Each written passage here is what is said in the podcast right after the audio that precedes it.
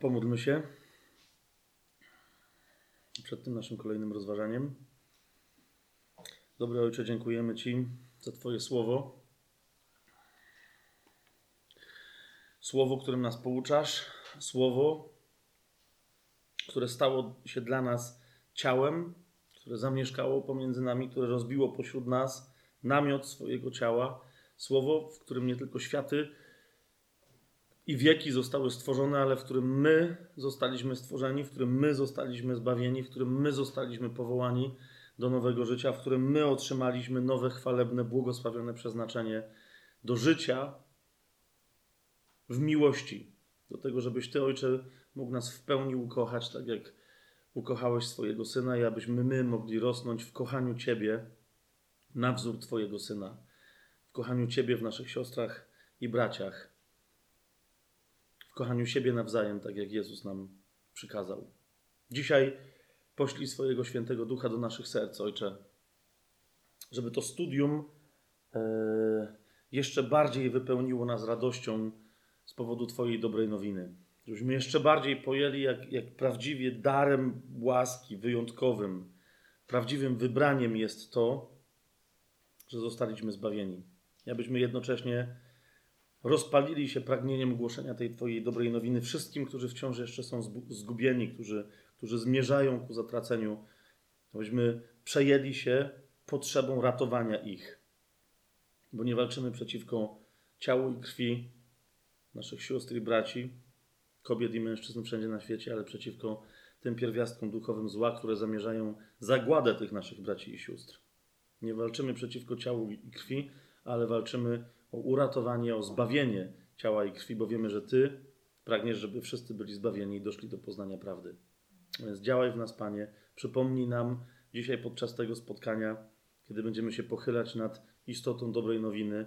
Przypomnij nam łaskę, obudź w nas, ożyw w nas jeszcze bardziej łaskę, która w nas działa, tak, żeby zaczęła się w naszej posłudze jeszcze skuteczniej przelewać na innych.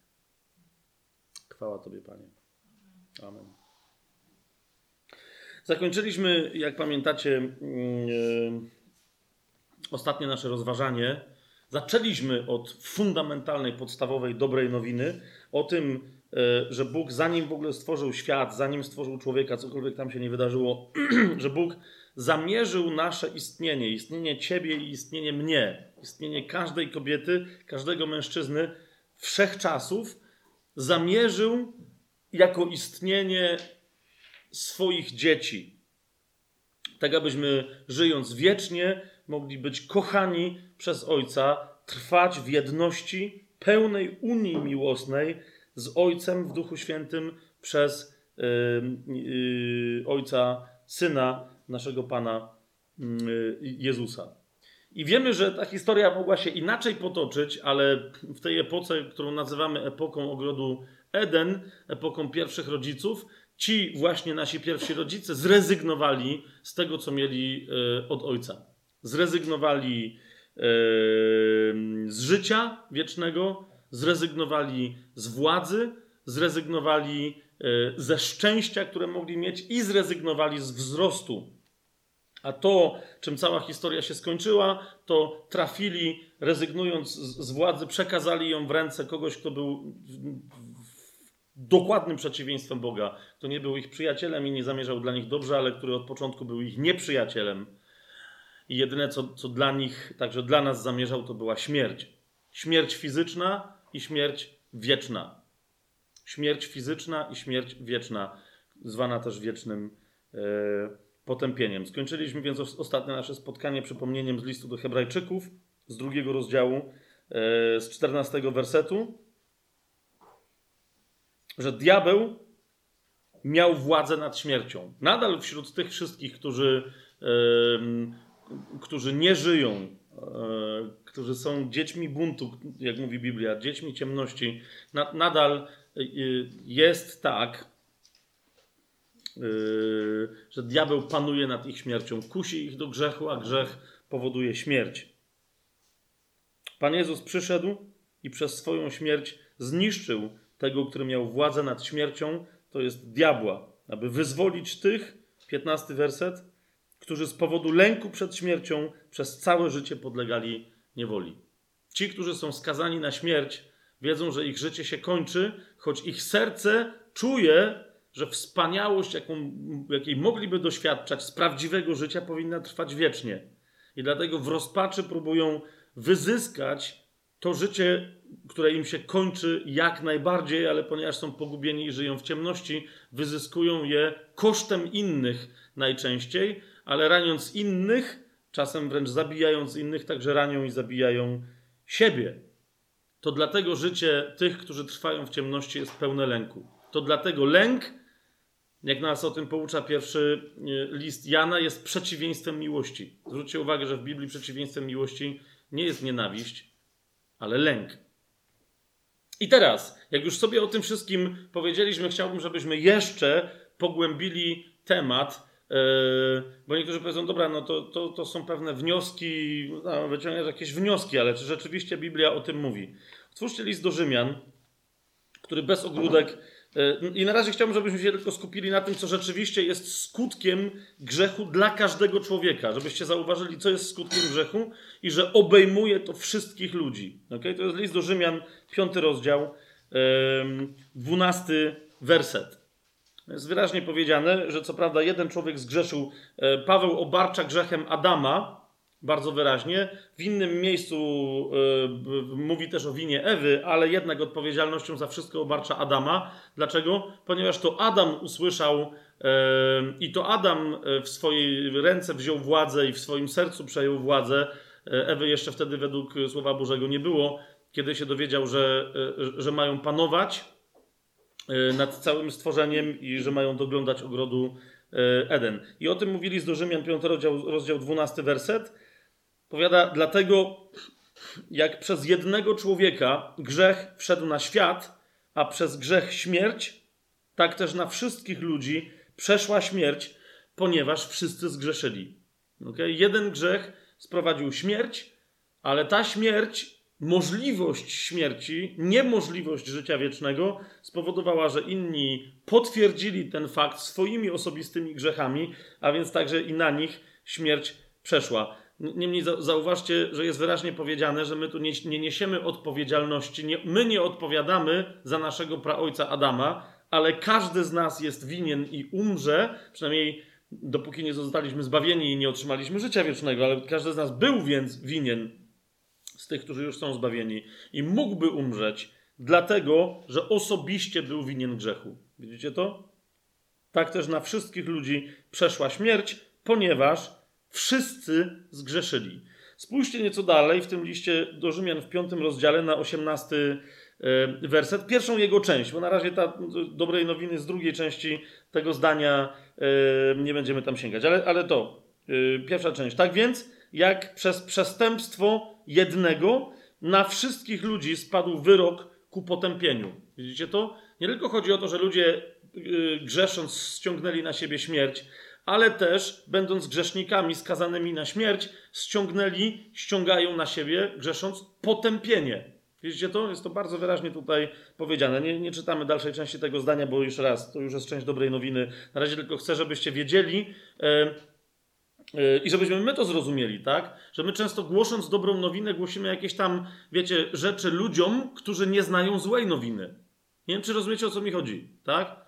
Niektórzy wychodzą i mówią, Bóg cię kocha, przyjmij go i będzie super. A on mówi, no i tak jest w miarę super, no nie?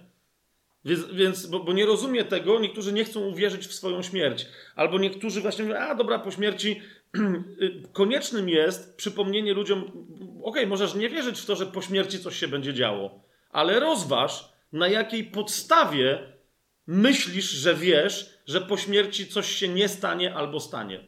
Tak? I możesz, okej, okay, możesz pójść. Teraz zauważcie, ktoś, ktoś mówi, no bo ja jestem ateistą, okej, okay, może to rozważyłeś, ale może to jest tylko Twoja wiara, która się zamieniła w ateizm. Może to jest tylko Twoja wiara, która się zamieniła w materializm, że wraz ze śmiercią ciała wszystko ginie i w związku z tym Ty już potem nic nie, nie będziesz istnieć. Ale jeszcze raz pytam, skąd wiesz? Na jakiej, na czym opierasz te swo, to swoje rzekome poznanie, albo może i prawdziwe poznanie. Na czym je opierasz? Bo jeżeli uwierzyłeś jakiemuś źródłu, to jeszcze raz, ja wierzę temu źródłu. A to źródło mówi, że jeżeli nie znajdziesz rozwiązania, to żyjąc w sposób naturalny, spotka cię śmierć, to wiesz, a kiedy spotka się śmierć, to po śmierci spotka cię potępienie. Nie dlatego, żeby Bóg cię chciał potępić, o tym jeszcze za chwilę będziemy mówić, ale dlatego, że ty sam zmierzasz w tamtą stronę i jeszcze nie chcesz rozważyć kierunku, w którym zmierzasz. Tak? Słyszałem kiedyś jednego mówcę motywacyjnego, który nie wiem, czy w przypływie jakiejś refleksji, która jego później przyprowadziła do nawrócenia, nie wiem, bo nie wiem, czy on się nawrócił, nie chcę też podawać teraz jego nazwiska, ale on sam powiedział, że, że, że coraz częściej widzi u ludzi, których trenuje, to było parę lat, nawiasem mówiąc, on już nie prowadzi tych swoich szkoleń i tych treningów, e, więc jak mówię, może byłoby dobrze, żeby się zainteresować, co się tam stało, ale powiedział, że jest coraz bardziej przerażony, ponieważ obserwując ludzi, których motywuje do tego, żeby, wiecie, żyli, i oni, niektórzy nawet jakieś tam sukcesy osiągają, masę ludzi nie, ale mówi, że nawet tych, których widzi osiągających sukcesy, zarabiających potężne pieniądze, zdobywających kolejny dom, kolejną wannę złotą w tym domu, super samochód, kolejną żonę porzucając poprzednią i tak dalej, i tak dalej, mówi, powiedział w pewnym momencie, mówi, odnoszę wrażenie, że pobudzam ludzi do coraz bardziej entuzjastycznego biegu w stronę przerażającej przepaści. Rozumiecie o, o co chodzi? To było dość poruszające, tak? On, tylko wiecie, niezależnie od tego, nie wiem, czy on sobie potem zdał sprawę, co to jest ta przerażająca przepaść, ale jakby to, w tym, nie jakby, tylko po prostu to, to w tym wszystkim było dość jasne, tak? Że, że ludzie mogą zmierzać w stronę wiecznego potępienia, myśląc, że jest fajnie, tak? Jezus sam też powiedział, że droga, która prowadzi do piekła, jest szeroka, przestronna i tłum tam podąża.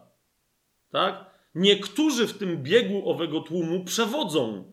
Niektórzy w tym biegu owego tłumu jadą w tamtą stronę właśnie tymi bardzo drogimi samochodami i rozsypują pieniądze, pieniądze na prawo, na lewo. A inni biegną za, za nimi z wywieszonymi jęzorami, mówiąc: Patrzcie, jakim jest fajnie. A wszyscy zmierzają ku potępieniu. Tak? Więc jeszcze raz, Ktoś może nie przyjąć od ciebie wiadomości, że no, z punktu widzenia duchowego tak się sprawy mają, ale nie, nie będzie w ogóle słuchać dobrej nowiny od ciebie prawdziwej ktoś, kto najpierw nie usłyszy, jaka jest zła nowina.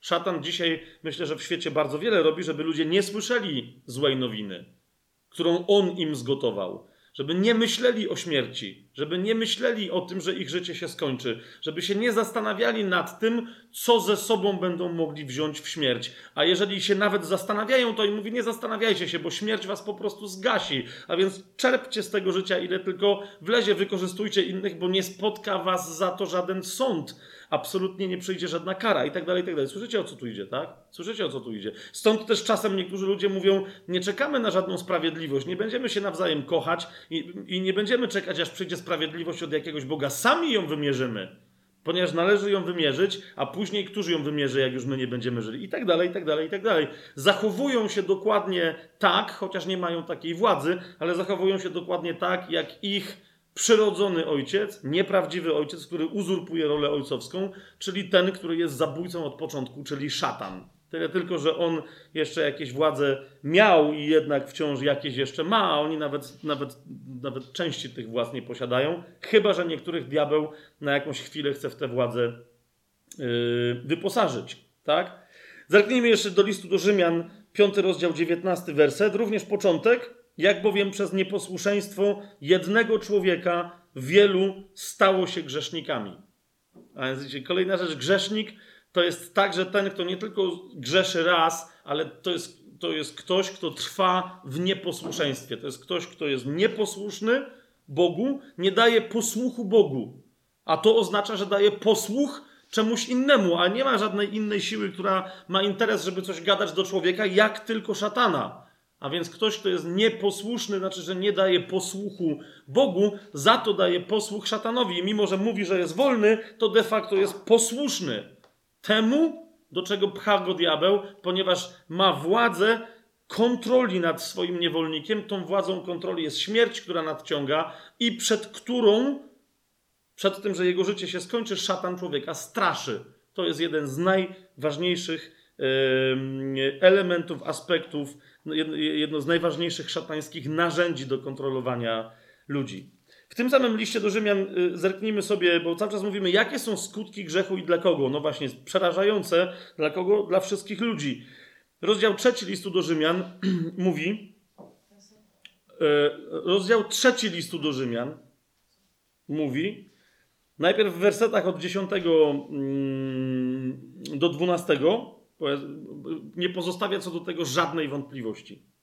Mianowicie tam Paweł, odwołując się w ogóle do, do, do innych wersetów pisma, mówi, jak jest napisane, nie ma sprawiedliwego ani jednego.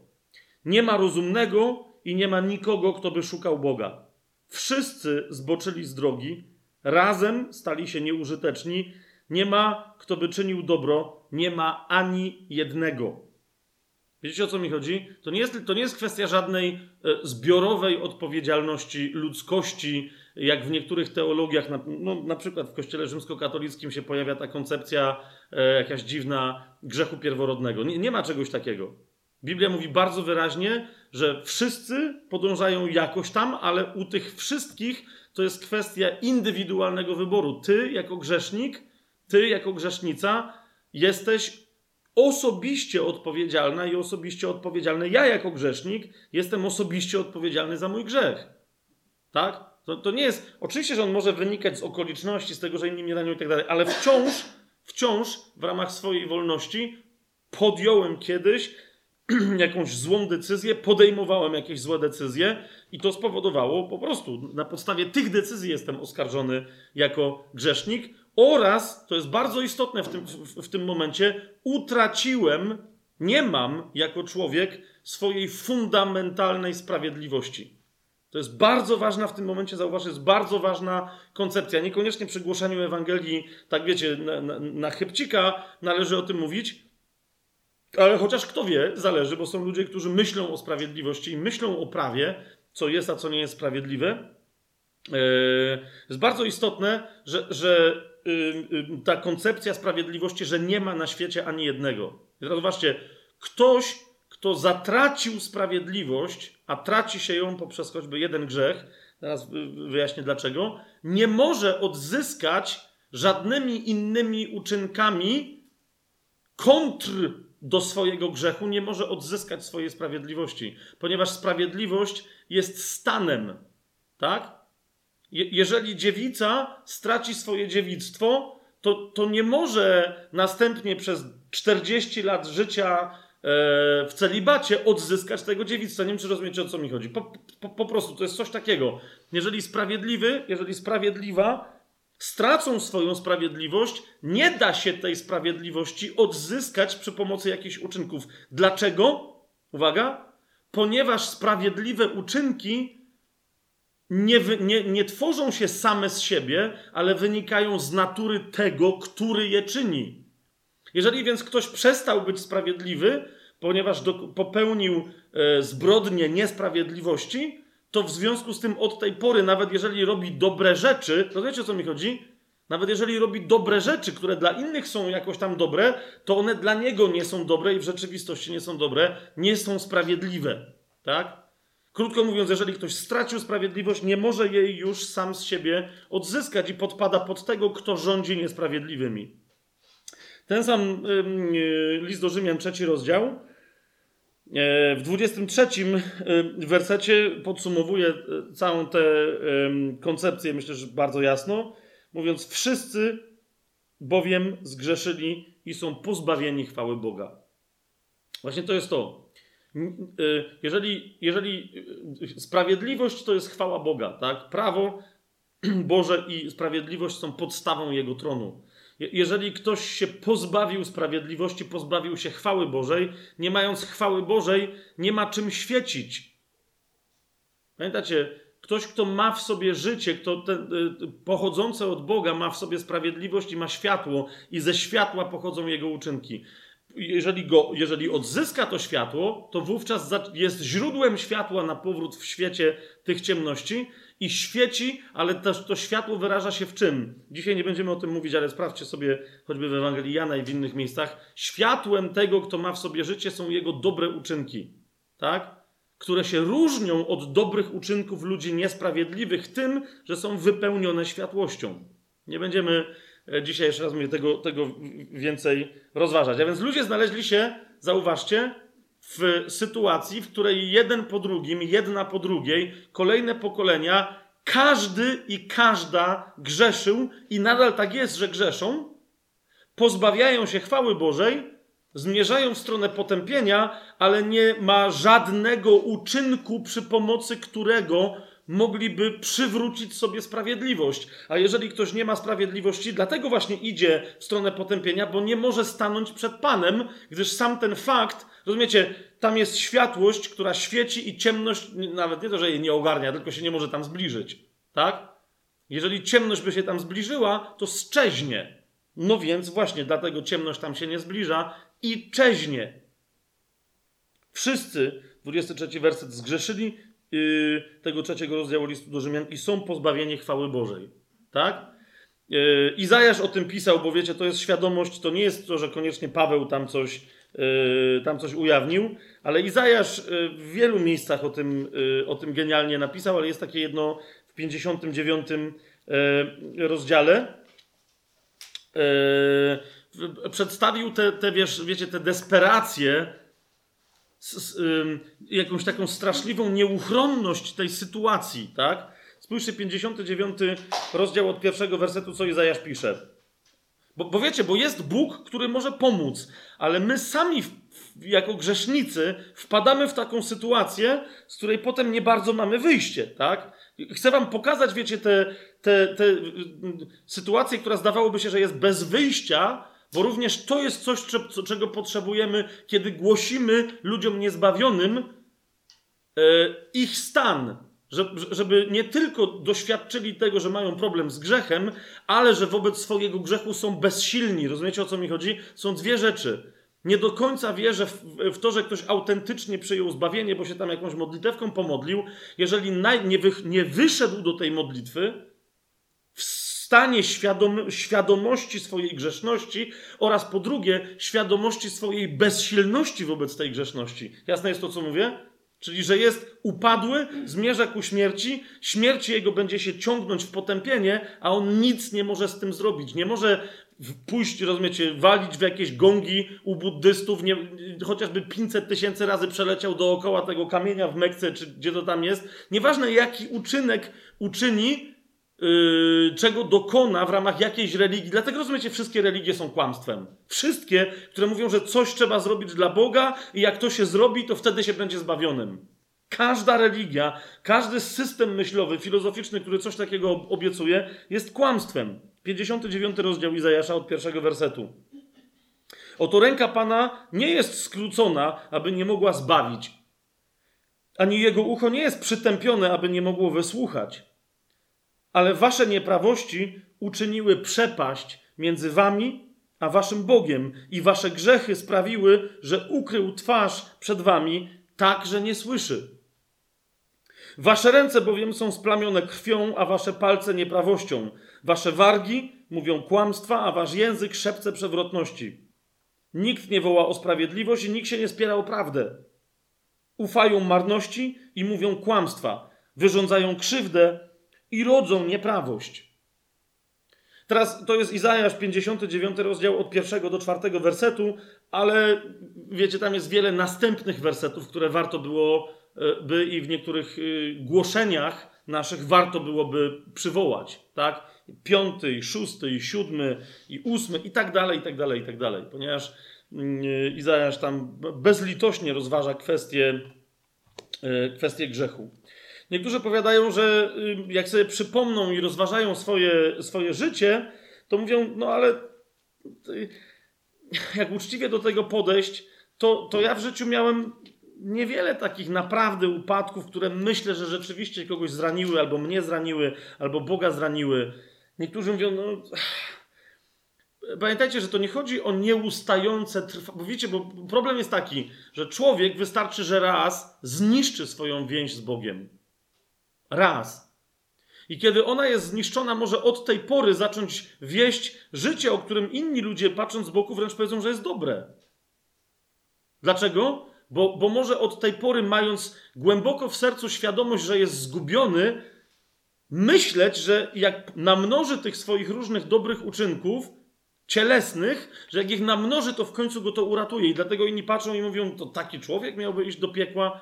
Wiecie, sęk jest w tym, że jak ktoś się rzuci w przepaść i ta przepaść ma 10 kilometrów, nie wiem, ze samolotu wyskoczy, tak? I nagle się zorientuje, że wyskoczył bez spadochronu, to rozumiecie, jak doleci do ziemi, to się zabije, to o to chodzi. I teraz on od tej pory może udawać, że ma spadochron, może zacząć, nie wiem, szybko pruć swoją koszulkę i majtki i wszystko i robić sobie szybko z tego spadochron. Ale rozumiecie, że tak? I potem ktoś patrząc na to z boku powie, ale to jest niesprawiedliwe. Zobacz, on przez całą drogę tego swojego spadania, może, wiecie, niektórzy, nie, nie, no dobra, nie mam, no może ja mam sporą marynarkę, to może bym coś tam powstrzymał, ale chodzi mi o to, że inni zaczynają się modlić. Wiecie, są ludzie, co pod koniec życia nagle przechodzą w pobożność. Wiecie, latają do jakichś świątyń, odprawiają tam nabożeństwa wszystkie możliwe, proponowane jakieś rytuały. Wiecie, co mi chodzi, tak? W różnych religiach. Im starsi ludzie, to jest, no po prostu zbliżają się do, do czepnięcia o ziemię, mają, nie wiem, 60, 70, 80 lat i wiedzą, że no raczej wcześniej niż później, tak? Więc zaczynają uprawiać jakieś, tak, tak, jak ten człowiek, co wyskoczył z samolotu, leci, leci, wiecie, i zaczyna tam nagle tworzyć, tak? Coś wołać, kombinować, mówić, dobra, jak teraz szybko odmówię 68 tysięcy różańców, to może, albo nie wiem, a nóż wyskoczył, nie ma spadochronu, ale ma jakąś tam kołatkę, czy wiecie, ten taki do kręcenia buddyjski i zaczyna szybko kręcić, no nie? Jakby wiecie, im szybciej będzie kręcić, się w helikopter zamieni. O, o to mi chodzi, że, że to... I, i, I potem ktoś powie, no ale to jest niesprawiedliwe, że on się zabił. Przecież tak się starał, jak spadał. No, na tym cała rzecz polega, że no okej, okay, mógł nie skakać bez spadochronu, albo mógł zostać w tym samolocie i wylądować. Problem polega na tym, że jeden chociażby akt, który, który jest tak ciężki, że zrywa więź z Bogiem, już wprowadza człowieka na nieuchronny yy, kurs w stronę śmierci. To yy, spójrzcie na list Jakuba, drugi rozdział. Dziesiąty i jedenasty werset, on tam mówi o tym y, bardzo wyraźnie. W pewnym momencie przyszło prawo, Mojżesz napisał prawo, o tym jeszcze za chwileczkę będziemy mówić, tak? E, Mojżesz przekazał prawo, nie Mojżesz napisał prawo, tylko Mojżesz przekazał prawo Izraelowi. No i potem się dowiemy, że to, bo oni tam jakieś dziwne wierzenia też zaczęli mieć w kontekście prawa, po to, żeby pokazać, jak nieprawdopodobnie odległa naszemu upadłemu umysłowi i naszemu upadłemu ciału jest koncepcja świętości, jaką ma Bóg. Tak? Ale niemniej ci Żydzi tam walczyli i oni powiedzieli: My mamy lepszą kołatkę, lepszy różaniec, lepsze nabożeństwo, lepszą praktykę redu, lepszy rytuał niż wy wszyscy inni. Mamy prawo, które nam dał Bóg, i jeżeli je wypełnimy do końca, albo prawie że, to będziemy zbawieni. Na co Jakub im odpowiada, drugi rozdział jego listu, dziesiąty werset i jedenasty. Kto przestrzega całego prawa, a przekroczy jedno, staje się winnym wszystkich. Bo ten, który powiedział, nie będziesz cudzołożył, powiedział też, nie będziesz zabijał. Jeżeli więc nie cudzołożysz, ale zabijasz, jesteś przestępcą prawa. Wiecie, chodzi o to, że, że to nie idzie o to, że Bóg jakieś reguły stworzył. Bóg jest tym, który chce, żebyśmy my byli tacy jak On. To, jak prawo objawił Izraelowi, było tylko objawieniem części Jego świętego serca w ramach którego objawienie powiedział nam: Zobaczcie, że wy tacy nie jesteście. Wy tacy nie jesteście. I teraz chodzi o to, że nieważne, że ktoś powie, no ale 10 innych przykazań, za 9, 78, wiecie, tych wszystkich, które można w prawie mojżeszowym policzyć, jest 613, tak? Ktoś może powiedzieć, no ale 612 przestrzegałem, ale to nie o to chodzi. To jest ta, bo to jest tak, jakbyś powiedział, no ale byłem wierny żonie przez 5 lat, potem raz ją tylko zdradziłem. Rozumiesz, o co mi chodzi? I weź do niej, przyjdź i się pochwal. Weź do niej, przyjdź i się pochwal.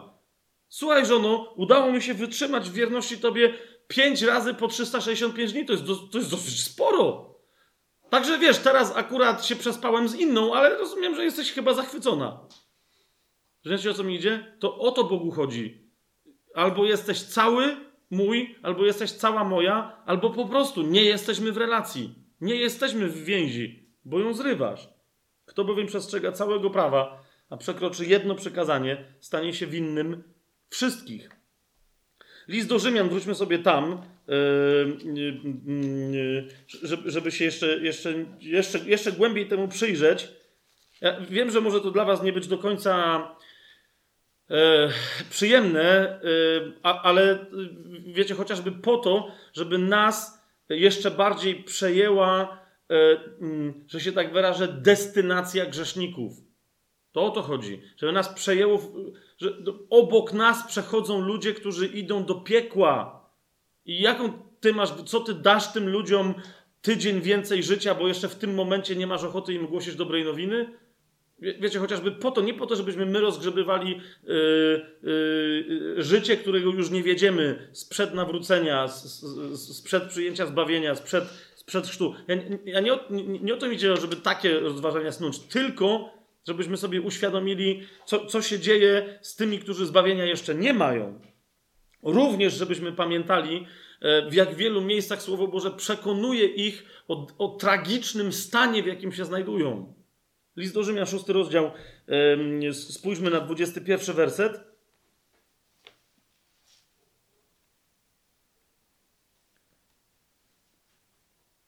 Właśnie o tym mówi, że, że dodatkowo y, stanem, który znów, bo, bo, bo, każdy grzesznik to ma, może się przed światem nie przyznawać, ale jest mnóstwo rzeczy, nie tylko grzesznik, ale i święci. W momencie, kiedy wciąż jeszcze pozwalają sobie, żeby im się noga powinęła tu i ówdzie, potem towarzyszy temu wstyd. I niektórzy, ten wstyd również jest śmiertelny. Zobaczcie, szósty rozdział, 21 werset. Jakiż bowiem jakiż więc wówczas mieliście pożytek z tych rzeczy, których się teraz wstydzicie?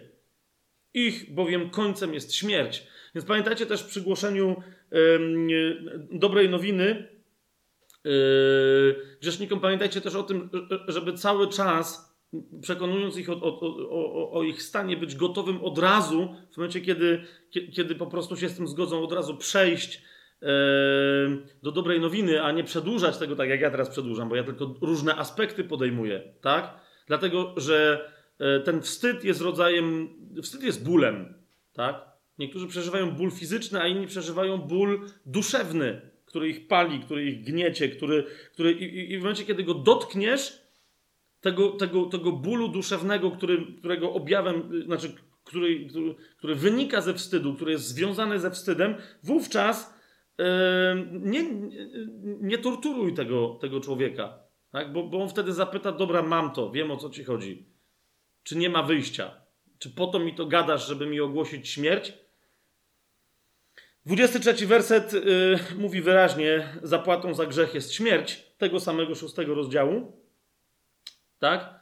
Yy, zapłatą za grzech jest śmierć, ale, ale jeżeli już do kogoś to dociera, to przejdźcie dalej. Spójrzmy jeszcze y, piąty rozdział, szesnasty y, werset.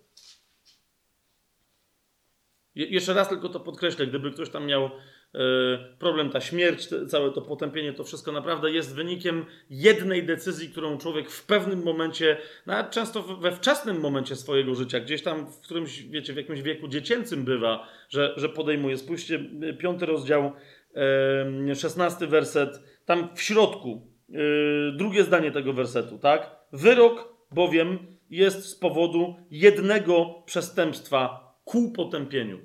Widzicie to? To, jest, to jest drugie zdanie 16 e, wersetu. Widzicie to? Nikt nie widzi? No, Okej. Okay. E, Jana sobie jeszcze otwórzmy Ewangelii i, i, i żebyśmy do końca to widzieli. Piąty rozdział. 29 werset. Zobaczcie. E, nie, nie, nie, będę teraz tego tematu bardziej rozwijał, ale jeszcze raz, e, wyraźnie Biblia nam mówi, że życie śmiercią się nie kończy, ale że wszystkich ludzi czeka zmartwychwstanie. Tak? Jednych wszakże, to jest piąty rozdział, 29 werset. Jednych wszakże, mm, tu jest napisane, ci, którzy dobrze czynili, wyjdą na zmartwychwstanie do życia, ale ci, którzy źle czynili, na zmartwychwstanie na potępienie. Widzicie to? Ludzie z martwych wstaną, a śmierć nie będzie śmiercią fizyczną, ale będzie śmiercią duchową, e, która, która jest potępieniem. No niektórzy patrzą na to i mówią, a no ale dobra, no ale tu jest powiedziane, że ci, którzy dobrze czynili, wyjdą na zmartwychwstanie do życia. Okej, okay. jeszcze raz przypominam wam, że żeby móc zacząć dobrze czynić, najpierw trzeba na powrót stać się sprawiedliwym. Okej? Okay? Nie robić to, co mnie się wydaje, że jest dobrym uczynkiem, ale jak list do Efezjan, drugi rozdział powie, my tam dzisiaj jeszcze zajrzymy, rzecz jasna, jak, jak, jak on powie, że my jesteśmy stworzeni do y, dobrych uczynków, które Bóg dla nas przewidział w Chrystusie Jezusie. Amen? To, to nie są dobre uczynki, które my nazwiemy sobie dobrymi, albo które ludzie postrzegają jako dobre. To muszą być te dobre uczynki, o które Bogu e, dla nas chodziło. A zatem jeszcze raz, jeżeli ktoś pełni dobre uczynki w ludzkim rozumieniu, które Paweł nazywa uczynkami ciała, często nazywa uczynkami prawa, ale też często nazywa po prostu uczynkami ciała lub uczynkami cielesnymi, albo duszewnymi, albo ludzkimi, tak? Więc te uczynki nie są tymi, które Słowo Boże, które Ewangelia nazywa dobrymi uczynkami. Jasne? Dalej, jeszcze. Ewangelia Mateusza, 25 rozdział, 46 werset. Ewangelia Mateusza, 25 rozdział, 46 werset. Oczywiście tych fragmentów jest więcej, tylko chcę Wam to y, pokazać. O tych, którzy powstaną z martwych, a źle czynili w swoim życiu, no nieważne co robili, jeżeli byli niesprawiedliwi, to ostatecznie ich uczynki musiały mieć zły charakter. A więc o tych, którzy powstaną, jest powiedziane, że pójdą ci na męki wieczne, sprawiedliwi zaś, widzicie, sprawiedliwi zaś do życia wiecznego. Tak? Bardzo więc istotną rzeczą jest odpowiedzieć sobie na pytanie, jak zatem można odzyskać sprawiedliwość. Jak można, wyskoczywszy z tego samolotu stworzenia Bożego, bez spadochronu, a więc utraciwszy sprawiedliwość, jak można odzyskać sprawiedliwość? Już powiedziałem, że samemu się e, nie da, bo ciężko sobie coś, wiecie, w, w, w powietrzu, nawiasem mówiąc, tam wiemy, kto rządzi, tak? Tam sobie trudno samemu ratunek skombinować, ale w pewnym momencie ktoś powie, przecież pojawili się Żydzi, których Bóg uczynił narodem wybranym, a wśród tych Żydów pojawił się Mojżesz, któremu Bóg przekazał prawo dla Izraela. I teraz ci Żydzi, nie wszyscy, ponieważ wielu przyjęło y, Mesjasza, ale na razie o tym nie będziemy też mówić. Ci Żydzi y, ukuli taką tezę sobie, że mianowicie, jeżeli uda się komuś przestrzegać całego prawa, stąd macie zjawisko już w czasach nie tylko czasach Jezusa, ale i wcześniej, faryzeizmu, a więc ekstremalnego do końca przestrzegania wszystkich wielkich praw, małych prawideł i małych prawek, które sami sobie zaczęli dotwarzać. Wiecie o co mi idzie, tak? Żeby jeszcze bardziej Bogu udowodnić, tu jest prawo, którego ty nam nie dałeś, ale my se sami dali, żeby ci udowodnić, jacy jesteśmy dobrzy. Zobacz. I oni twierdzą, że kto wypełni całe prawo, ten będzie żył. Co prawda już zobaczyliśmy, że no nikt nie wypełnił całego prawa, ponieważ każdy zgrzeszył, a jeden grzech jest śmiercią. Ale spójrzcie, żeby nie było żadnych y, wątpliwości co do tego, gdyby jeszcze ktoś. Bo, bo wiecie, sęk w tym, że y, Żydzi są tu takim klasycznym przykładem, oni naprawdę mieli objawienie od Boga, tak? Ale dzisiaj jest masa innych religii na świecie, na czele na przykład z religią y, rzymskokatolicką, na przykład w Polsce i w innych miejscach na świecie innych religii, tak? Które twierdzą też, że mają prawdziwe objawienie od Boga i wiedzą, jakiego prawa człowiek musi przestrzegać, a jeżeli człowiek będzie tego prawa, które oni im ludziom mówią, jeżeli człowiek będzie przestrzegać, to gwarantują mu życie wieczne. Tak? To są tylko popłuczyny, że się tak wyrażę, po tym, co wymyślili sobie wyznawcy judaizmu. Otwórzcie sobie yy, list do Rzymian. Oczywiście, kiedy o tym rozmawiamy, najlepiej się jest odwołać do Pawła, bo kto jak kto, ale Paweł, który był faryzeuszem i mówi sam o sobie, jest przedstawiony w Słowie Bożym jako faryzeusz i mówi sam o sobie, ja jestem faryzeuszem z faryzeuszy, tak? Według pochodzenia cielesnego i według ciała nienaganny wobec prawa, tak?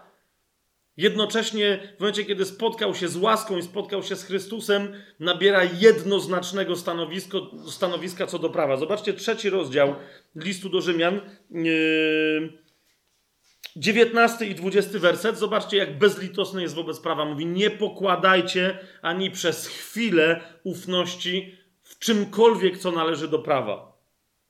Spójrzcie, co mówi. Wiemy, trzeci rozdział listu do Rzymian 19:20. Wiemy, że wszystko, co mówi prawo, mówi do tych, którzy są pod prawem, aby wszystkie usta zostały zamknięte i aby cały świat, wow, podlegał karaniu Boga? Tak mówi Paweł, aby cały świat podlegał karaniu Boga.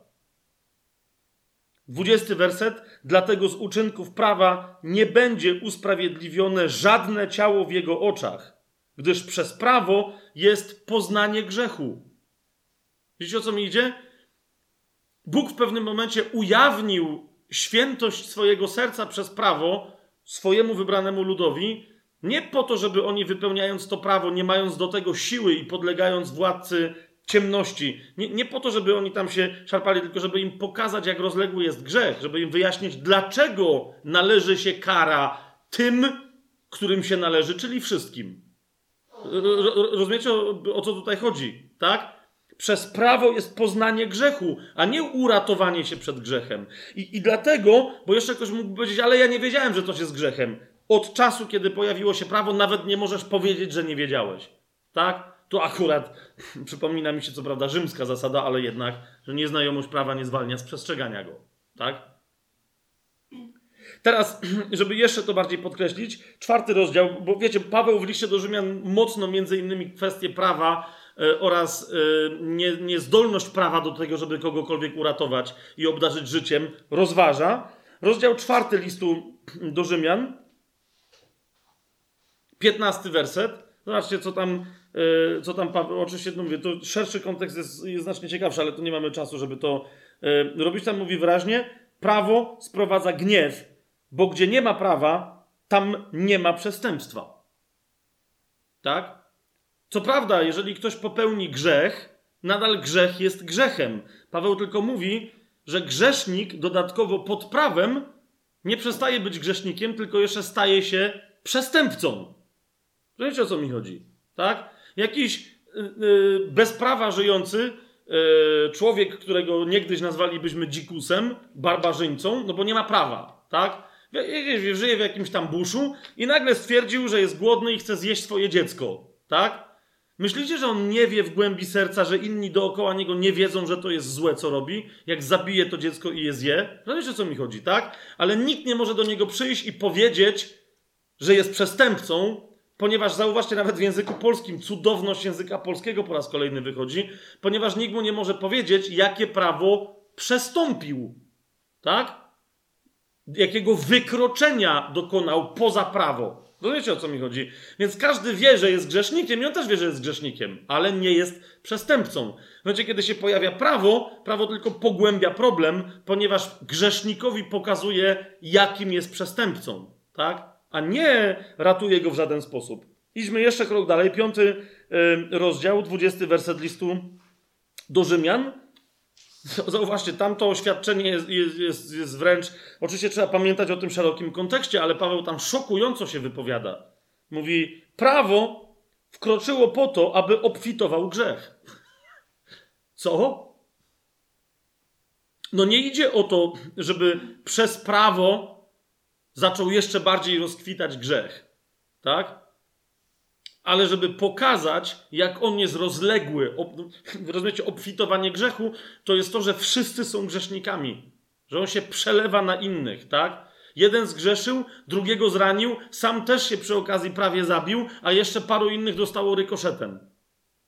Nie znacie historii swojego grzechu? za każdym razem to nikogo nigdy w żaden sposób nie dotknęło? Albo ciebie, albo Boga, albo jakąś świętą istotę Bożą, jakiegoś anioła, albo innego człowieka. Wiecie o co mi chodzi? Albo wręcz wszystkich naraz. List do Galacjan jeszcze sobie, e, jak o tym mówimy, otwórzmy. Trzeci rozdział.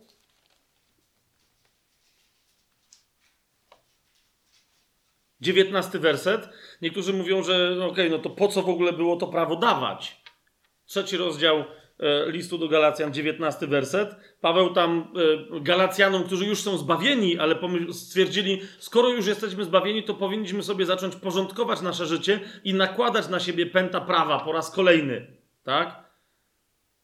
Paweł jakby chciał powiedzieć, mając dostęp do drzewa życia, na powrót chcecie się bawić według zasad drzewa poznania dobra i zła, bo prawo to jest to, rozumiecie? Prawo daje ludziom świadomość tego poznania po raz kolejny. Co jest dobre, a co jest złe. O tym mówi prawo, tak? Mówi, jeżeli jesteście zbawieni, to żyjcie według tego, co wam dało zbawienie. Nie szukajcie zasad. To jak ja mam teraz. Masz ducha, który ci mówi. Masz ducha, który ci mówi. Za każdym razem wykonujesz kolejny krok. Jesteś w ojcu, który cię wychowuje. A więc dziewiętnasty werset. Paweł mówi: Po co więc prawo? Zostało dane z powodu przestępstw, aż do przyjścia potomka, któremu złożono obietnice, ustanowione przez aniołów ręką pośrednika.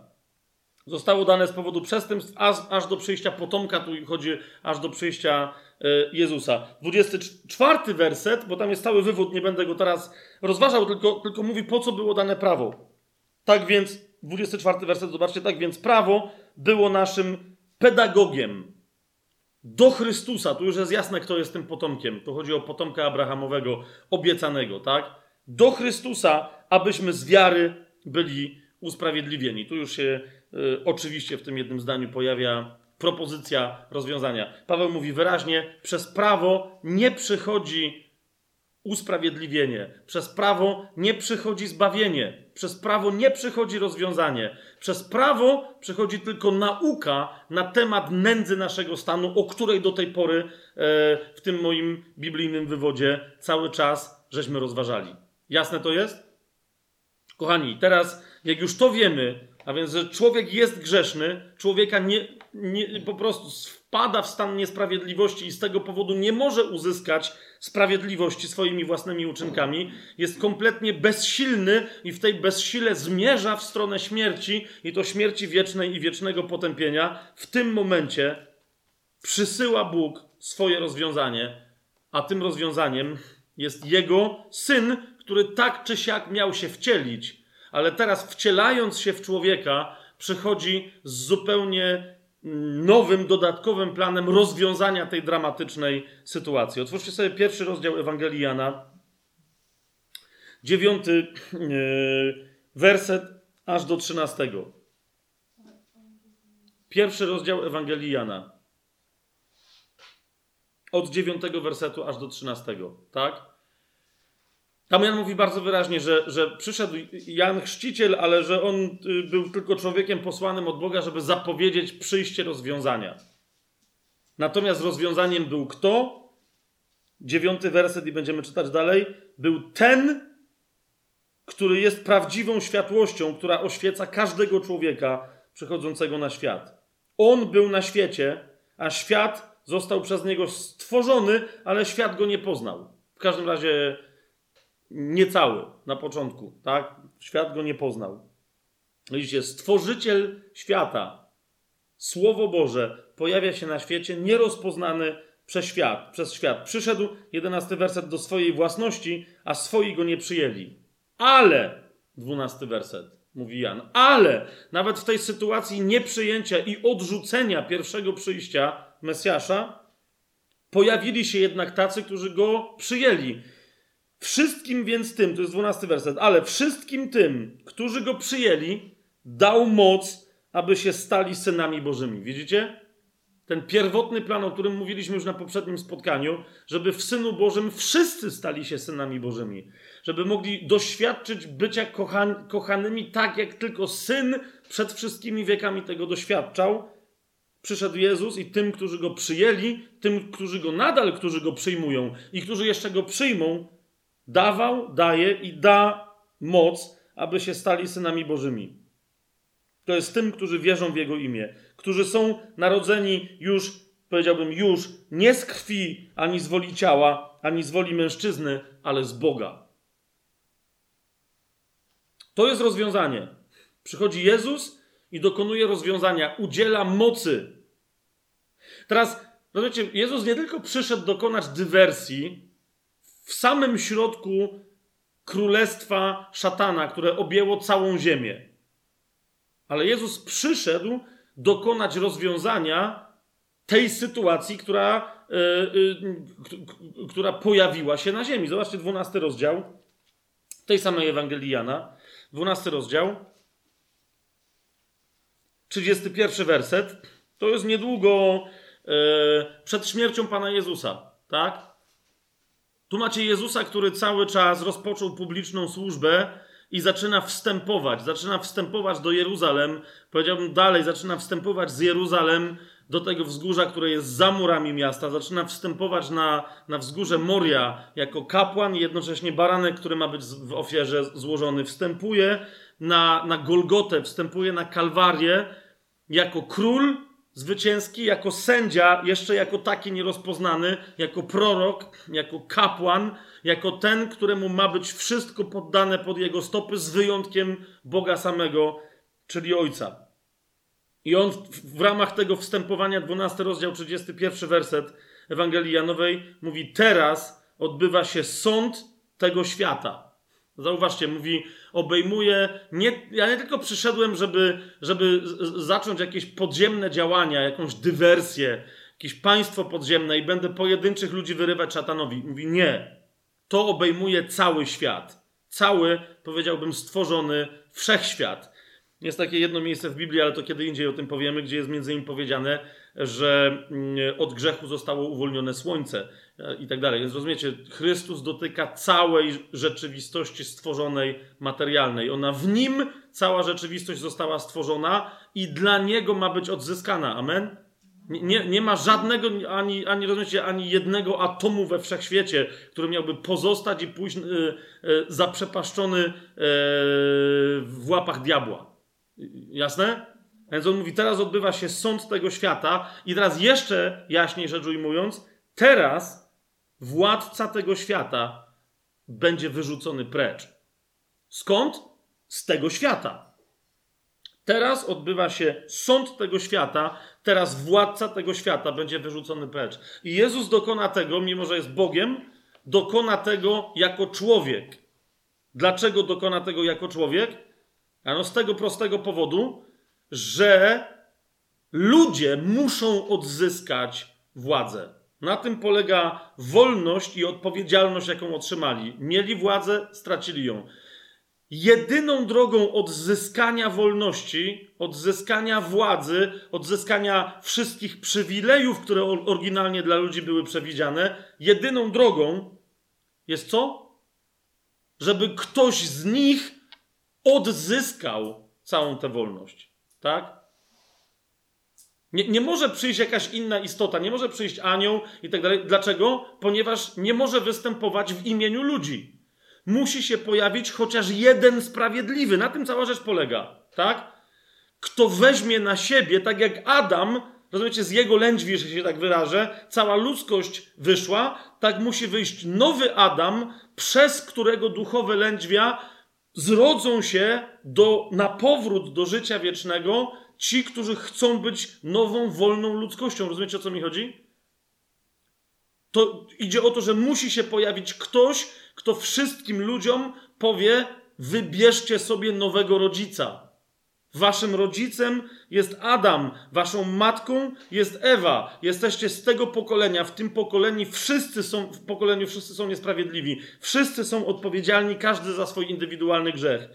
Jeżeli by się pojawił ktoś nowy, dokonał wykupienia tych wszystkich niewolników i powiedział: Jesteście wykupieni, czy chcecie z tego skorzystać? Zapłaciłem to, czego wy nie byliście w stanie zapłacić, bo nie mieliście z czego wyprodukować. Ja przyszedłem z dobrami, w odróżnieniu od was nie straciłem moich dóbr. Przy pomocy moich dóbr zapłaciłem za was. Czy chcecie z tego skorzystać? Czy chcecie stać się nowym stworzeniem? Czy chcecie stać się we mnie, w nowym Adamie, nową ludzkością?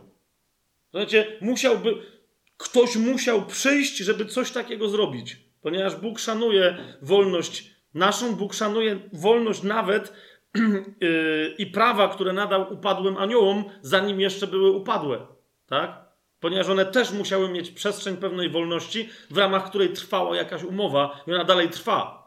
Ona się, Ona się skończyła, szatan został, y, jak słyszycie tutaj, osądzony w 12 rozdziale, w 31 wersecie, ale wciąż jeszcze nie odbyła się pełna egzekucja. Pełna egzekucja szatana tak naprawdę odbędzie się dopiero kiedy?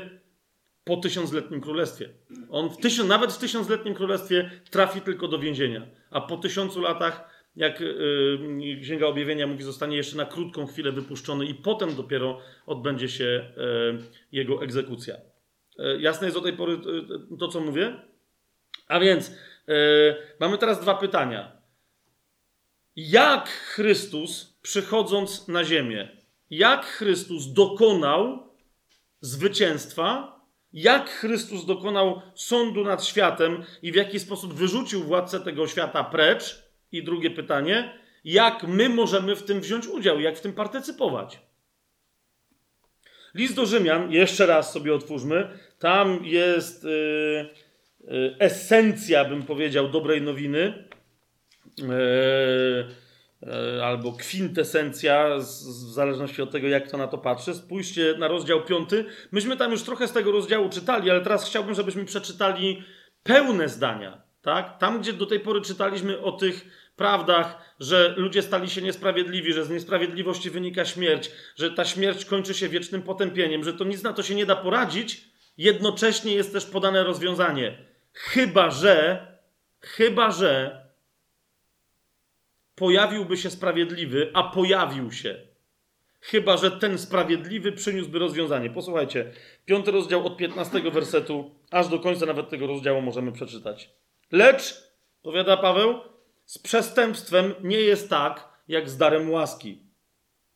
Jeśli bowiem przez przestępstwo jednego wielu umarło, tym obficiej spłynęła na wielu łaska Boga i dar przez łaskę kogo? Jednego człowieka, Jezusa Chrystusa. Widzicie? Jest istotne, że on wykonał to swoje dzieło jako człowiek. Mimo, że był Bogiem, ale wykonał je jako człowiek. I dalej czytamy, a z darem nie jest tak, jak z tym, co przyszło przez jednego, który zgrzeszył. Wyrok bowiem jest z powodu jednego przestępstwa ku potępieniu, ale dar łaski z powodu wielu przestępstw jest ku usprawiedliwieniu. Jeśli bowiem z powodu przestępstwa jednego śmierć zaczęła królować przez jednego, tym bardziej ci, którzy przyjmują obfitość łaski i dar sprawiedliwości, będą królować w życiu przez jednego Jezusa Chrystusa. Nawiasem mówiąc, widzicie tutaj, co się dzieje? Sprawiedliwość można otrzymać tylko w darze. Widzicie to?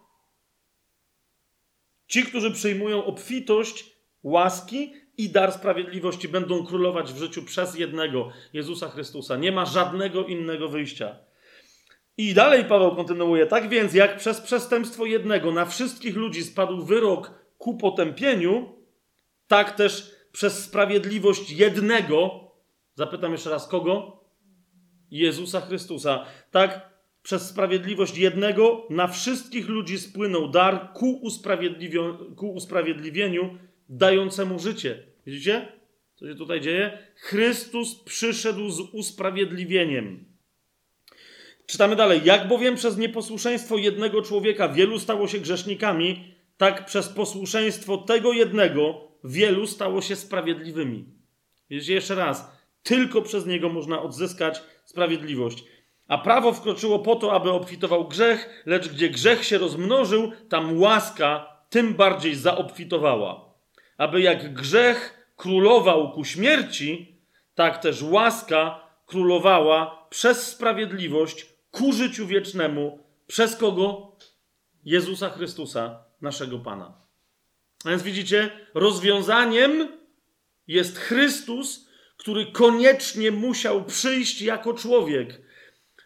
List do Filipian, y, o tym nie będziemy tam wchodzić, ale mówi o tym, o, o, jego kenozie, że on istniejąc w postaci Bożej, stał się człowiekiem i uniżył samego siebie aż do śmierci.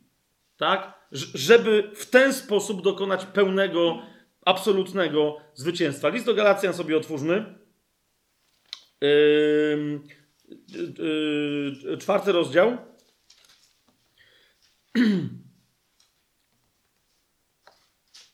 Wersety czwarty i piąty. Bardzo krótko powiedziane, ale jakże dosadnie. Gdy nadeszła pełnia czasu, Bóg posłał swojego syna, zrodzonego z kobiety, zrodzonego pod prawem. Nawiasem mówiąc, zwróćcie uwagę, że wszędzie, tak? E, kiedy Bóg po raz, kiedy Bóg po raz pierwszy oświadczył, e, że ma rozwiązanie e, wobec tego, co, co ludzkość zrobiła w Edenie.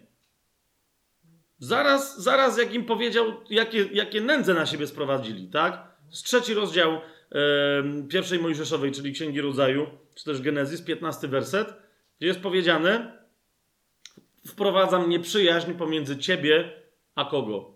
Niewiastę. Do, to do węża mówi Bóg, tak? Pomiędzy potomstwo twoje, a jej potomka. Ty zmiażdżysz mu twoje potomstwo zmiażdży mu piętę, a on zmiażdży ci głowę, ten potomek, tak? Od tamtego momentu to miał być potomek kobiety. Zwróćcie na to uwagę. Miał być potomek kobiety. Tu jest też wyraźnie powiedziane, gdy nadeszła pełnia czasu, Bóg posłał swojego syna zrodzonego z kobiety. Nie zrodzonego z rodziców. Widzicie to, tak? Z ojca i syna, ale koniecznie zrodzonego z kobiety. Koniecznie, o, kiedy indziej będziemy o tym mówić, koniecznie zrodzonego pod prawem. Po co? Aby, zobaczcie, wykupił tych, którzy byli pod prawem, abyśmy dostąpili usynowienia. Chrystus przychodzi, aby dokonać wykupienia. On wie, że ma do czynienia z niewolnictwem i ma okup, który może zapłacić właścicielowi niewolników, aby tych niewolników uwolnić. List do Galacjan, skoro tu jesteśmy, otwórzmy sobie trzeci yy, rozdział, wersety 13 i 14. W jaki sposób Chrystus dokonuje tego odkupienia? No, Chryst... Trzeci rozdział 13-14. Chrystus odkupił nas z przekleństwa prawa, stając się za nas przekleństwem, bo jest napisane: Przeklęty każdy, kto wisi na drzewie. Po co? Aby błogosławieństwo Abrahama w Chrystusie Jezusie przeszło na pogan i abyśmy przez wiarę otrzymali obietnicę ducha. Chrystus składa w ofierze samego siebie, odkupił nas z przekleństwa prawa, stając się za nas przekleństwem. Teraz to jeszcze więcej sobie e, wytłumaczymy, ale zauważcie, my, wchodząc w przekleństwo, powinniśmy skończyć przeklęci. Widzicie to? Bo nie, nie dlatego, że Bóg nas przeklina, ale sami się przekleliśmy i nie wiedzieliśmy, jak wyjść z tego przekleństwa. Słowem kluczowym w tym wersecie nie jest przekleństwo, dwa słowa kluczowe to nie jest przekleństwo prawa i przekleństwo jakieś. Dwa słowa kluczowe to jest za nas, za ciebie, za mnie. Chrystus zrobił za ciebie coś, co ciebie by spotkało. Jak mógł uwolnić ciebie i jak mógł uwolnić za mnie? Tam, gdzie dochodzi do przestępstwa, musi dojść do kary. Pamiętacie list do Rzymian, 6 rozdział, 23 bodaj werset? Zapłatą za grzech jest co? Śmierć. Chrystus więc poszedł na krzyż i przyjął śmierć, która tobie się należała, zamiast ciebie. Dlaczego? Żebyś ty miała, żebyś ty miał wybór. Żebyś miał wybór. Na nowo masz wybór. Kładę przed tobą błogosławieństwo i życie, z drugiej strony przekleństwo i śmierć. Wybieraj. Przekleństwo i śmierć to jest coś, co na ciebie spadło, ale teraz możesz wybrać. Chcesz dalej w tym żyć, czy chcesz wybrać życie? To w takim razie wybierz Jezusa i zdecyduj się na Jezusa. On za nas, za ciebie i za mnie stał się przekleństwem na drzewie krzyża, żebym ja nie musiał i ty, żebyś nie musiała, żebyś ty nie musiał być yy, przekleństwem na wieki. List do Kolosan sobie yy, otwórzmy. Drugi rozdział. Trzynasty werset 14 i 15. I was, gdy byliście umarłymi w grzechach i w nieobrzezaniu waszego ciała, razem z nim, czyli z Chrystusem, Bóg ożywił, przebaczając wam wszystkie grzechy. Wymazał, zauważcie to, wymazał obciążający nas wykaz zawarty w przepisach, który był przeciwko nam i usunął go z drogi, przybiwszy do krzyża. Widzicie to? Chodzi mi o to, że prawo przyszło po co? Żeby nas pouczyć, jak ciężkie jest nasze odstępstwo i jak wielkie jest przekleństwo, które na siebie ściągnęliśmy. Prawo istniało jako zapis wypowiadający naszą winę, a ten zapis został usunięty. W nim też zostaliście. Yy, wymazał obciążający nas wykaz zawarty w przepisach, który był przeciwko nam i usunął go z drogi, przybiwszy do krzyża. I teraz piętnasty werset. I rozbroiwszy zwierzchności i władzę, jawnie wystawił je na pokaz, gdy przez niego odniósł tryumf nad nimi. No więc władca tego świata został pokonany. W krzyżu to wszystko się dokonało. W krzyżu to, co do tej pory było naszym oskarżeniem, zostało wymazane. To, co było naszym długiem, zostało zapłacone. Chrystus nas wykupił, spłacił nasz dług. List do Efezjan sobie, yy, sobie otwórzmy, drugi rozdział. Jak zatem możemy. Czy, my mogliśmy cokolwiek zrobić, żeby to uzyskać? Nie. To mógł zrobić tylko Chrystus i przekazuje nam to wieczne odkupienie, propozycję wiecznego zbawienia jako dar. Drugi rozdział. Yy... Dobra, zanim jeszcze tam przejdziemy, tak? Yy, czyli zanim ósmy i dziewiąty rozdział. Jedenasty werset, zobaczmy, dwunasty i trzynasty. Dlatego pamiętajcie, że wy niegdyś poganie w ciele, zwani nieobrzezaniem przez tych, których zwano obrzezaniem dokonanym ręką na ciele, byliście w tamtym czasie bez Chrystusa. Nawet nie wiedzieliście, że istnieje Mesjasz. Obcy względem społeczności Izraela, dlatego nie wiedzieliście nawet, że Chrystus ma nadejść. I obcy przymierzom obietnicy. Nawet jak o tym nie wiedzieliście, byliście nie mający nadziei i bez Boga na świecie. Widzicie to? Lecz teraz w Chrystusie Jezusie, wy, którzy niegdyś byliście daleko, staliście się bliscy. Przez co? Przez krew Chrystusa. To jest ta cena, która musiała być e, zapłacona. Teraz jeszcze, e, jak bardzo, jak, e, jak, jak mocno została ta cena zapłacona. List do Hebrajczyków sobie otwórzmy, żebyśmy mieli e, w, tej kwestii e, również jasność. Czy Chrystus przyszedł dokonać jakiegoś doraźnego rozwiązania, ale potem znowu przyjdzie inny wiek, inna pora, inny świat i się jakieś inne historie będą dziać? Dziewiąty rozdział listu do Hebrajczyków, jedenasty yy, werset i dwunasty. Zobaczmy. Chrystus, gdy przyszedł jako najwyższy kapłan dóbr przyszłych, przez większy i doskonalszy przybytek, nieuczyniony ręką, to jest nienależący do tego budynku, ani nie przez krew kozłów, w domyśle wszedł i cieląt, ale jak? przez własną krew wszedł raz do miejsca najświętszego, zdobywszy odkupienie dla nas jakie? Wieczne. Wszedł raz do miejsca najświętszego, zdobywszy wieczne odkupienie. Przeskoczmy, bo tu są jeszcze inne zagadnienia w tym rozdziale, przeskoczmy do wersetu w tym rozdziale, czyli dziewiątym, dwudziestego czwartego i do, aż do końca rozdziału możemy doczytać. Zobaczcie, Chrystus wszedł nie do świątyni zbudowanej ręką, która była odbiciem prawdziwej, ale wszedł do samego nieba, aby teraz stawać dla nas przed obliczem Boga. Chrystus nie tylko umarł za nas na krzyżu, a więc zapłacił okup, ale Bóg wskrzesił go z martwych, jakby, nie jakby, tylko chcąc powiedzieć, wielu z was ginie za innych. My również na przykład w Polsce mamy, wiecie, wielu ludzi, którzy umierali na przykład za ojczyznę, chroniąc swoje dzieci, żony, kobiety chroniąc swoich mężów, swoje wnuki. No wiecie o co mi chodzi, tak? Ludzie oddawali za siebie życie, ale tylko po to, żeby uratować część ich doczesnego życia i to jest wszystko. Nikt z nich nie zmartwychwstał, nigdy. Bóg wskrzesił Jezusa z martwych. Dlaczego? Żeby powiedzieć, nie mógł w śmierci trwać ten, któremu śmierć się nie należała. Czy Chrystus zgrzeszył? Nie, nigdy. Zapłatą, śmierć jest zapłatą za co? Za grzech. Jeżeli więc został zabity, Bóg był zobowiązany, bo się zobowiązał, żeby go wskrzesić z martwych, przywrócić do życia, które się już nigdy nie skończy. Tak? Ale też, rozumiecie, na tym polegało zdziwo i wielki, jakby młodzi powiedzieli, ząg szatana który stwierdził: Ops, to tego nie przewidziałem. Dlaczego? Ponieważ to, co myślał, że jest ostatecznym rozwiązaniem, czyli zabicie syna Bożego, okazało się, okej, okay, ostatecznym rozwiązaniem, ale nie problemu szatana, tylko naszego. Ponieważ od tej pory, nie mając życia w sobie, mamy życie w kim? W nim, w Jezusie Chrystusie. Ok?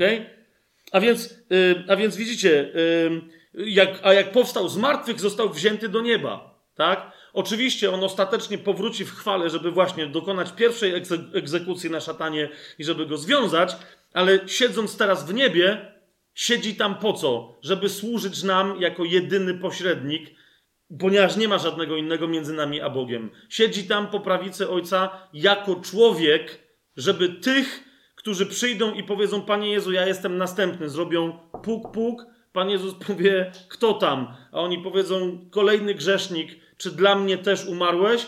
Czy dla mnie te... a, a Pan Jezus powie: Oczywiście, że tak. W tym momencie właśnie jesteś żywy, tak? Chrystus bowiem wszedł nie do świątyni zbudowanej ręką, która była odbiciem prawdziwej, w której, zauważcie, dokonywały się ofiary, ale które nie mogły na wieki oczyści, oczyścić grzeszników, nawet tych, co znali prawo. Dlatego w kółko musieli tam przychodzić, tak? Ale wszedł gdzie? Do samego nieba, aby teraz stawać dla nas przed obliczem Boga. I nie po to, czytamy dalej, żeby często ofiarować samego siebie, jak najwyższy kapłan, który wchodzi co roku do miejsca najświętszego z cudzą krwią bo inaczej musiałby cierpieć wiele razy od początku świata. Rozumiecie? Dlatego Chrystus nie przyszedł od początku świata i nie cierpiał wiele razy, bo miał lepsze rozwiązanie niż jakakolwiek religia, nawet ta, która wyniknęła z objawienia Bożego. Lecz teraz, na końcu wieków, pojawił się ile razy? Raz. Pojawił się raz dla zgładzenia grzechu przez ofiarowanie samego siebie. A jak postanowiono ludziom raz umrzeć, a potem sąd, tak też Chrystus, raz ofiarowany na zgładzenie grzechów wielu, drugi raz ukaże się bez grzechu tym, którzy go oczekują dla zbawienia. Znaczy, drugi raz Jezus przyjdzie po to, żeby ostatecznie przynieść kompletne, także fizyczne wyzwolenie pod postacią zmartwychwstania sprawiedliwych tym, którzy już teraz w tych grzesznych ciałach przyjmą duchowe wykupienie, odkupienie, zbawienie przez krew Chrystusa. Jasne jest y, to, o czym mówimy? To jeszcze jak jesteśmy tutaj, to dziesiąty rozdział, dwunasty werset, trzynasty i czternasty. Ten, czyli Chrystus, gdy złożył jedną ofiarę za grzechy na zawsze, zauważcie, złożył jedną ofiarę na zawsze. Ona nie, nie musi być ani raz choćby powtarzana. Gdy złożył jedną ofiarę za grzechy na zawsze, zasiadł po prawicy Boga, oczekując odtąd, aż jego nieprzyjaciele będą położeni jako podnóżek pod jego stopy. Jedną bowiem ofiarą uczynił doskonałymi na zawsze tych, którzy są uświęceni. Widzicie to? Raz przyjęcie tej ofiary dokonuje dla ciebie pełnego zbawienia. I, idźmy dalej a poświadcza nam to także Duch Święty, bo powiedziawszy najpierw, takie jest przymierze, które zawrę z nimi po tych dniach, mówi Pan. Włożę moje prawa w ich serca i wypiszę je na ich umysłach, potem dodaję, a ich grzechów i nieprawości więcej nie wspomnę. Przyjmując jedną ofiarę Chrystusa za grzechy, za które grzechy Twoje Chrystus umarł. Wszystkie Zatem, jeżeli mówi ich grzechów i nieprawości więcej nie wspomnę, to których Twoich grzechów i nieprawości obmytych krwią Chrystusa więcej nie wspomni? Wszystkich. Gdzie zaś jest ich odpuszczenie, zauważcie 18 werset, tam nie potrzeba już ofiary za grzech. Mając więc, bracia, śmiałość, aby przez krew Jezusa wejść do najświętszego miejsca, zauważcie, ta ofiara czyni nas sprawiedliwymi tak skutecznie i tak od razu, że my od razu mamy śmiałość wchodzenia do miejsca najświętszego, gdzie, gdzie Ojciec zasiada na swoim tronie i zamieszkuje. Mając więc, bracia, śmiałość, aby przez krew Jezusa wejść do najświętszego miejsca drogą nową i żywą, którą zapoczątkował dla nas przez zasłonę, to jest przez swoje ciało, to bym dodał, no to rozdarte na krzyżu. Pamiętacie, kiedy on umierał, rozdarła się za, zasłona w świątyni. Tak? Dlaczego? Żeby pokazać, że to miejsce święte na ziemi, święte świętych, które było oddzielone od całej reszty w świątyni zasłoną, było tylko obrazem tego, co się dzieje w niebie i w rzeczywistości duchowej. W momencie, kiedy umarł Jezus, jasnym się stało, że zasłona w miejscu świętym świętych w świątyni jerozolimskiej musi być rozdarta.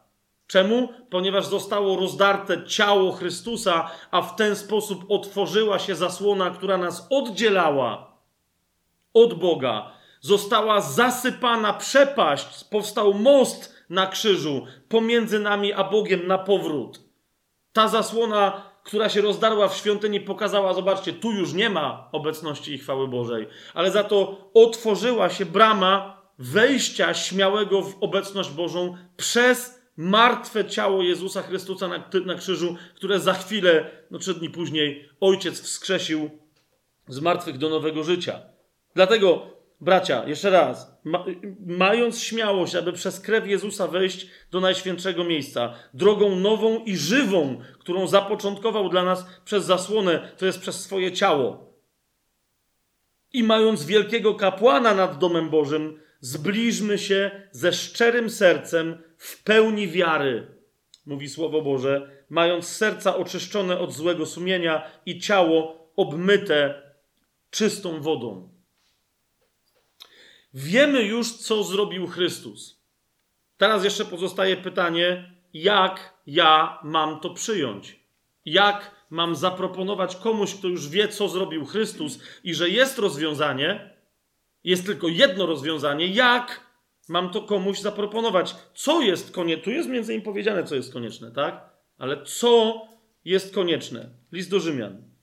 Trzeci rozdział. Jeszcze raz tam wracamy, jak wam mówiłem. To jest jedno z tych miejsc, gdzie jest esencja yy, dobrej nowiny o Jezusie. List do Rzymian, trzeci rozdział, 23 werset. Tam pamiętacie było, że wszyscy zgrzeszyli i są pozbawieni chwały Bożej. Teraz doczytamy dalej, tak? Słowo Boże mówi: Wszyscy zgrzeszyli i są pozbawieni chwały Boga, a zostają usprawiedliwieni jak? Darmo. Absolutnie darmo. Nie możesz niczym zapłacić, żadnym uczynkiem, żadnym dobrem, niczym. Zostają usprawiedliwieni darmo z Jego łaski przez odkupienie, które jest w Jezusie Chrystusie. Zapamiętaj, to jest za darmo. Jego to Bóg, Jezusa Chrystusa, ustanowił przebłaganiem, przez co? Przez wiarę w Jego krew aby okazać swoją sprawiedliwość przez odpuszczenie w swojej cierpliwości przedtem popełnionych grzechów. Aby okazać swoją sprawiedliwość w obecnym czasie po to, aby on był sprawiedliwym i usprawiedliwiającym tego, kto wierzy w Jezusa. Aby on był sprawiedliwym i usprawiedliwiającym tego, kto wierzy w Jezusa. Kogo? Usprawiedliwiającym tego, kto wierzy w Jezusa. Kto jest odkupiony? Jeszcze raz, zwróćcie uwagę, wszyscy ludzie są odkupieni. Wszyscy ludzie są odkupieni. Ta sama łaska działa cały czas na wszystkich. Ale kto jest prawdziwie usprawiedliwiony? Ten, kto zrozumie, że nie da się inaczej tego zrobić, jak tylko uwierzyć w Syna Bożego i przez wiarę przyjąć to odkupienie, które Pan już dla wszystkich załatwił. Tak? Wszyscy są odkupieni. Cała ludzkość jest odkupiona. Adam zrobił dla ludzkości jedną dziadowską rzecz, Jezus dla całej ludzkości zrobił jedną cudowną rzecz. Ale to od ciebie zależy, czy to, tą rzecz, zbawienie, usprawiedliwienie swojego serca, wejście w chwałę, odzyskanie światłości, czy ją przyjmiesz. List do Efezjan, otwórzmy sobie, no właśnie teraz możemy, yy, najlepiej byłoby teraz tam sięgnąć. Drugi rozdział, ósmy werset i dziewiąty, list do Efezjan, drugi rozdział, ósmy werset i dziewiąty. Łaską bowiem jesteście zbawieni przez wiarę. Ta łaska, która od początku, pamiętacie, przed wiekami była dla nas przeznaczona i zamierzona, teraz na powrót może w nas zacząć działać ku życiu wiecznemu. Łaską bowiem jesteście zbawieni. Jak? Przez wiarę. Nie jesteśmy zbawieni wiarą. Przez wiarę przyjmujemy to, co nas zbawia, a więc łaskę. Łaską bowiem jesteście zbawieni przez wiarę i to nie z was, jest to dar Boga. Nie z uczynków, zauważcie, aby nikt się nie chlubił. Jedyne rozwiązanie jest jednocześnie cudownie darmowym rozwiązaniem. Dzieje apostolskie sobie otwórzmy, żeby tutaj y, mieć w tej kwestii jasność. Gdyby niektórzy wtedy mówili, że no okej, okay, dobrze, ale może istnieją jakieś tam inne ścieżynki, jeszcze raz, e, w tej, w tej kwestii ustalmy sobie, że nie ma żadnych innych ścieżynek. Naprawdę, Chrystus jest jeden, zbawienie jest jedno, przychodzi tylko przez Niego, jedna łaska dla wszystkich, ale nie ma żadnej innej drogi. Dzieje apostolskie, czwarty rozdział, dwunasty werset. I nie ma w nikim innym zbawienia. Ten dwunasty rozdział mówi o Jezusie, który jest wspomniany w dziesiątym, bo tam jest większy dyskurs. Niech wam wszystkim i całemu ludowi Izraela będzie wiadomo, że w imieniu Jezusa Chrystusa z Nazaretu i tak dalej, i tak dalej, tam ktoś został uzdrowiony, tak? Ale potem ten dyskurs jest kontynuowany, pada stwierdzenie i w nikim innym nie ma zbawienia. Nie ma bowiem pod niebem żadnego innego imienia danego ludziom, przez które moglibyśmy być zbawieni. Jasne? Nikt inny nie zmartwychwstał. Niezależnie od tego, jak bardzo chciał złożyć Bogu ofiarę odkupieńczą, nie dokonał tej ofiary, albo jeżeli, jeżeli nawet złożył taką ofiarę, to ona nie została przyjęta ponieważ została złożona przez niesprawiedliwego. Jeden, jedyny sprawiedliwy Chrystus złożył ofiarę jak należy dzięki swojej sprawiedliwości i dlatego nie ma pod niebem żadnego innego imienia danego ludziom, przez które moglibyśmy być zbawieni. I to właśnie dlatego Ewangelia Jana, trzeci rozdział, ten najczęściej, mam wrażenie, czasem cytowany fragment, prosty, ale myślę, że teraz będzie dla nas miał pełne, głębokie znaczenie, Ewangelia Jana, trzeci rozdział, szesnasty werset brzmi: Tak bowiem Bóg umiłował świat. Już wiemy na początku, tak umiłował, żeby dać ludziom w tym świecie życie wieczne, miłość wzajemną w sobie, żeby kochać ludzi tak, jak on ukochał syna, żeby, żeby wiecznie żyli w łasce. Amen? Ale potem się właśnie podziały te wszystkie dramatyczne historie, a wtedy przyszedł jego syn żeby z tych dramatów nas wyciągnąć. I o tym mówi trzeci rozdział, szesnasty werset. Tak bowiem Bóg umiłował świat. Dodałbym, że pomimo tych dziadostw, w które wpadliśmy, tak? Czytamy dalej, że dał swojego jednorodzonego syna, aby każdy, kto w niego wierzy, nie zginął, ale miał życie wieczne. Każdy, kto w niego wierzy, tak? Niektóry coś będzie robił, będzie uprawiał jakieś historie, religię, popisywał się takimi czy innymi uczynkami i nimi chlubił. Nie, nie. Każdy, kto w niego wierzy, aby miał życie wieczne. 17 werset. Bo Bóg nie posłał swojego syna na świat, aby świat potępił, lecz aby świat był przez niego zbawiony. I jeszcze raz jest to mocno podkreślone, a to są słowa samego Jezusa o sobie. On mówi: Kto wierzy w niego, w syna Bożego, kto wierzy w niego, nie będzie potępiony. Kto wierzy w niego, nie będzie potępiony. Ale kto nie wierzy, już, zauważcie, jest potępiony. No bo po prostu w takim stanie się znajduje i będzie potępiony z własnego wyboru. Jeżeli natomiast może uwierzyć, to zosta- i uwierzy, to zostanie zbawiony. Jeżeli może uwierzyć i się na to nie zdecyduje, to jest potępiony. Nie musi Bóg go potępiać, bo już jest potępiony. Jest to jasne? Kto wierzy w niego, nie będzie potępiony, ale kto nie wierzy, już jest potępiony, bo nie uwierzył w imię jednorodzonego Syna Bożego. List do Rzymian sobie, yy, list do Rzymian sobie otwórzmy, bo wobec tego ktoś zapyta, no to ja wierzę. No to ja wierzę w takim razie, że to jest On. Czy to już mi, czy to już mi wszystko w życiu robi?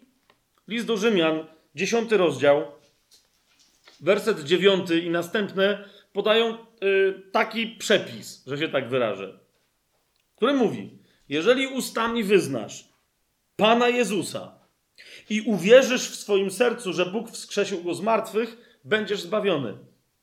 Sercem bowiem wierzy się ku sprawiedliwości, a ustami wyznaje się ku zbawieniu. Otóż, widzisz, teraz dlaczego istotne jest, istotne jest, dlaczego to jest tylko powiedziane, że jeżeli uwierzysz w swoim sercu, że Bóg wskrzesił go z martwych? Ponieważ to nie chodzi tylko o to, żeby uwierzyć, że Bóg kogoś wskrzesił z martwych, tak? Ale chodzi o to, że Bóg Jezusa wskrzesił z martwych. Po co?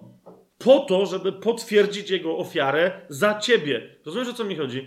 To nie jest wiara, że to się stało to jest wiara, że to się stało dla ciebie, ponieważ Jezus zamiast ciebie złożył ofiarę na krzyżu. To już jest załatwione. To zostanie przyjęte, że to jest policzone na Twój poczet, jeżeli uwierzysz w to zmartwychwstanie, którym Pan potwierdził Jego ofiarę. Amen? Ale teraz widzisz, samo wierzenie w sercu musi pobudzić cię do pierwszego, powiedziałbym, czynu wiary. Tak? Które, bo ta wiara w sercu cię usprawiedliwia. Teraz wreszcie możesz zrobić pierwszy dobry uczynek, który jest uczynkiem wiary. Dlaczego możesz zrobić pierwszy dobry uczynek? Bo jeżeli wreszcie w to uwierzyłeś, uwierzyłaś w swoim sercu, to jesteś osobą sprawiedliwą. A więc teraz, jeżeli zrobisz coś zgodnego z wolą Bożą, to będzie policzone jako czyn sprawiedliwy. Więc pierwszym dobrym uczynkiem, powiedziałbym, po byciu usprawiedliwionym z wiary, jest wyznanie Jezusa Panem. Jasne jest to, co mówię? Bo, bo zauważ, nie da się. W innym miejscu Słowo Boże mówi, że nikt nie może powiedzieć, że Jezus jest Panem, jeżeli nie ma w sobie ducha. Tak?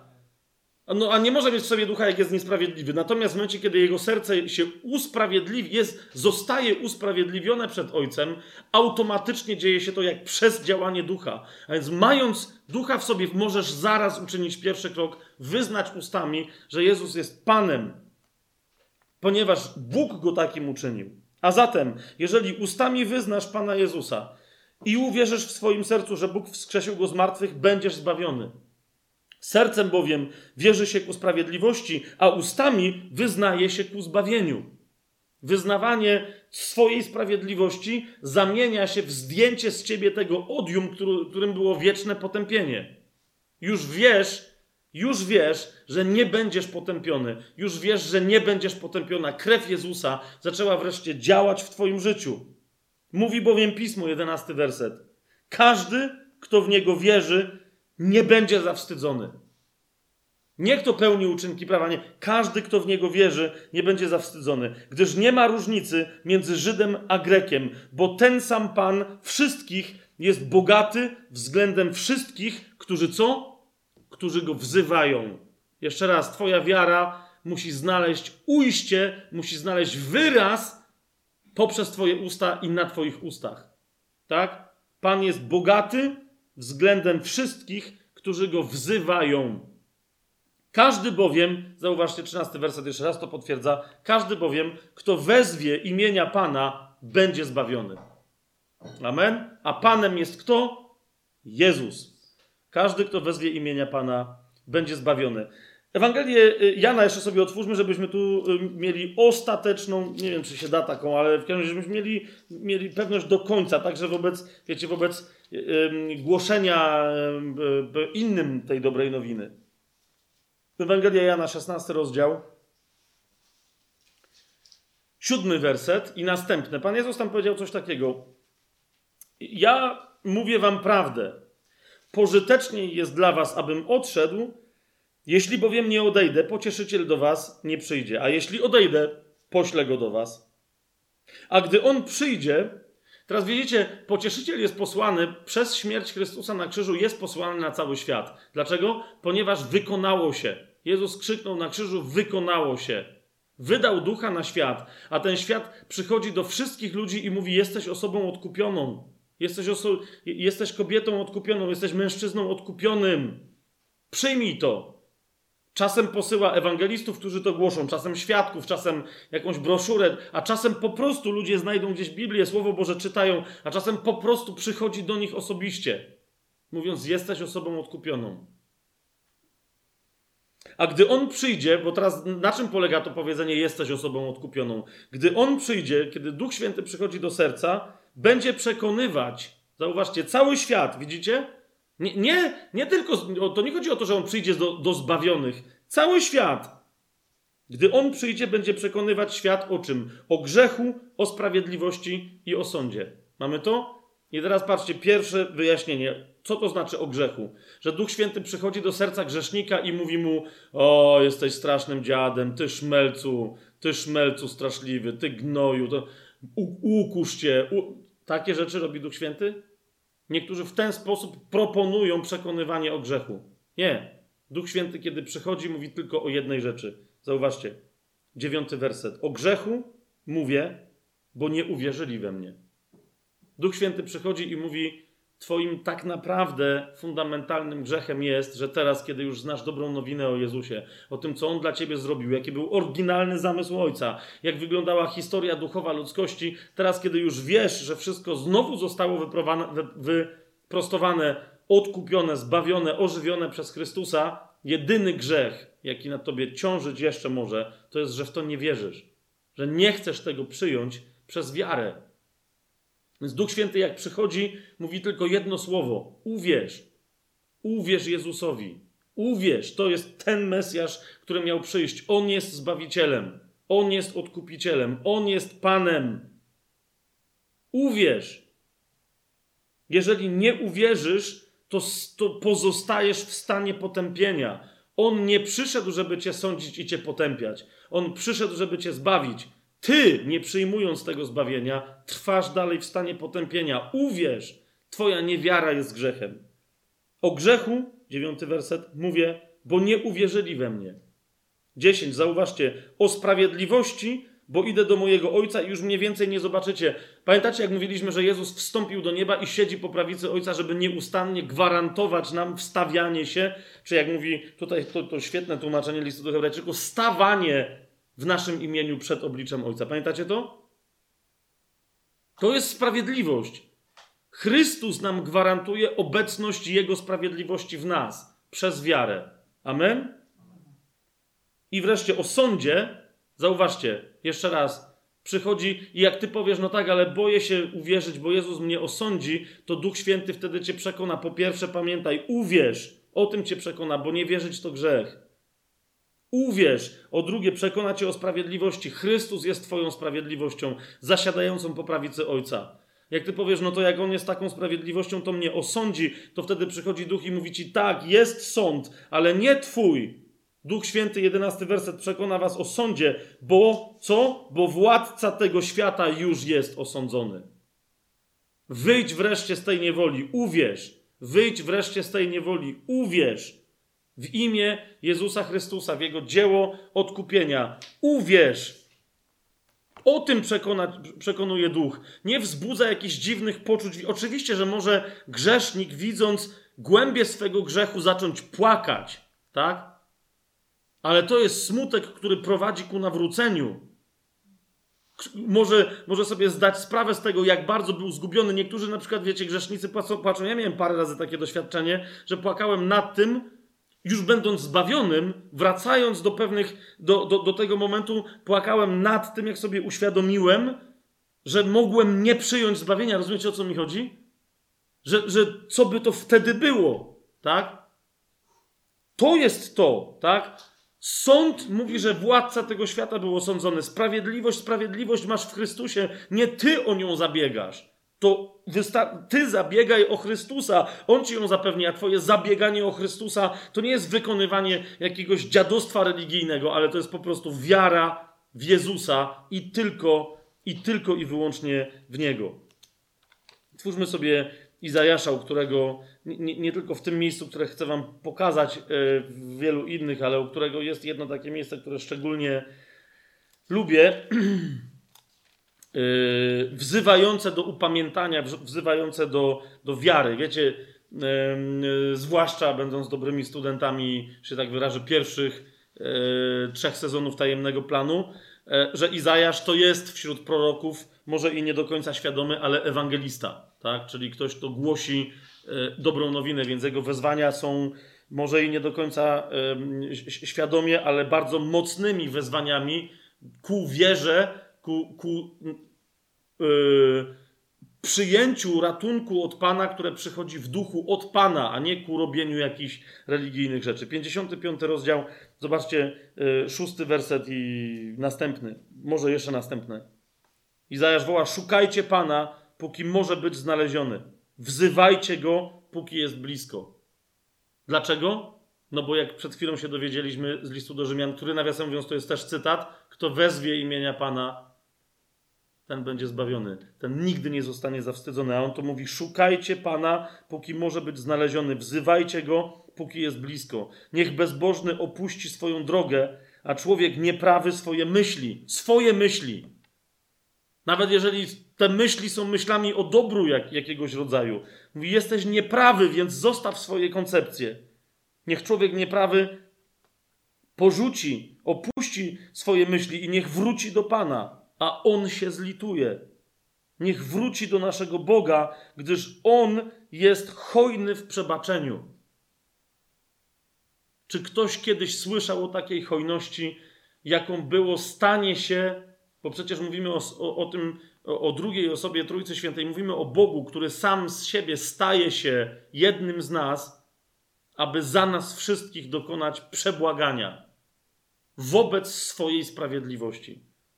To jest hojność w przebaczeniu. Teraz niezależnie od tego, kto jakby. Zobaczcie, co dalej mówi Izajasz. To jest zapewnienie Boga. On mówi: Moje myśli nie są waszymi myślami, ani wasze drogi nie są moimi drogami, mówi Pan.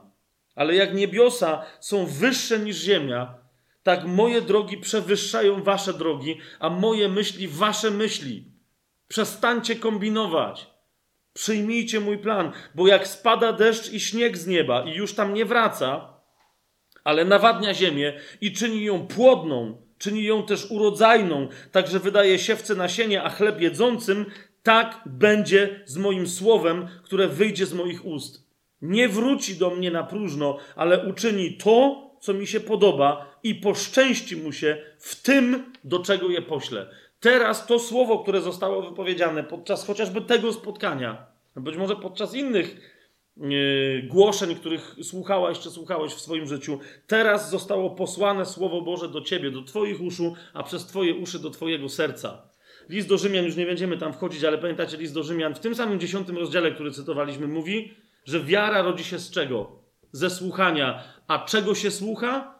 Tym, co się słucha, to Słowo Boże.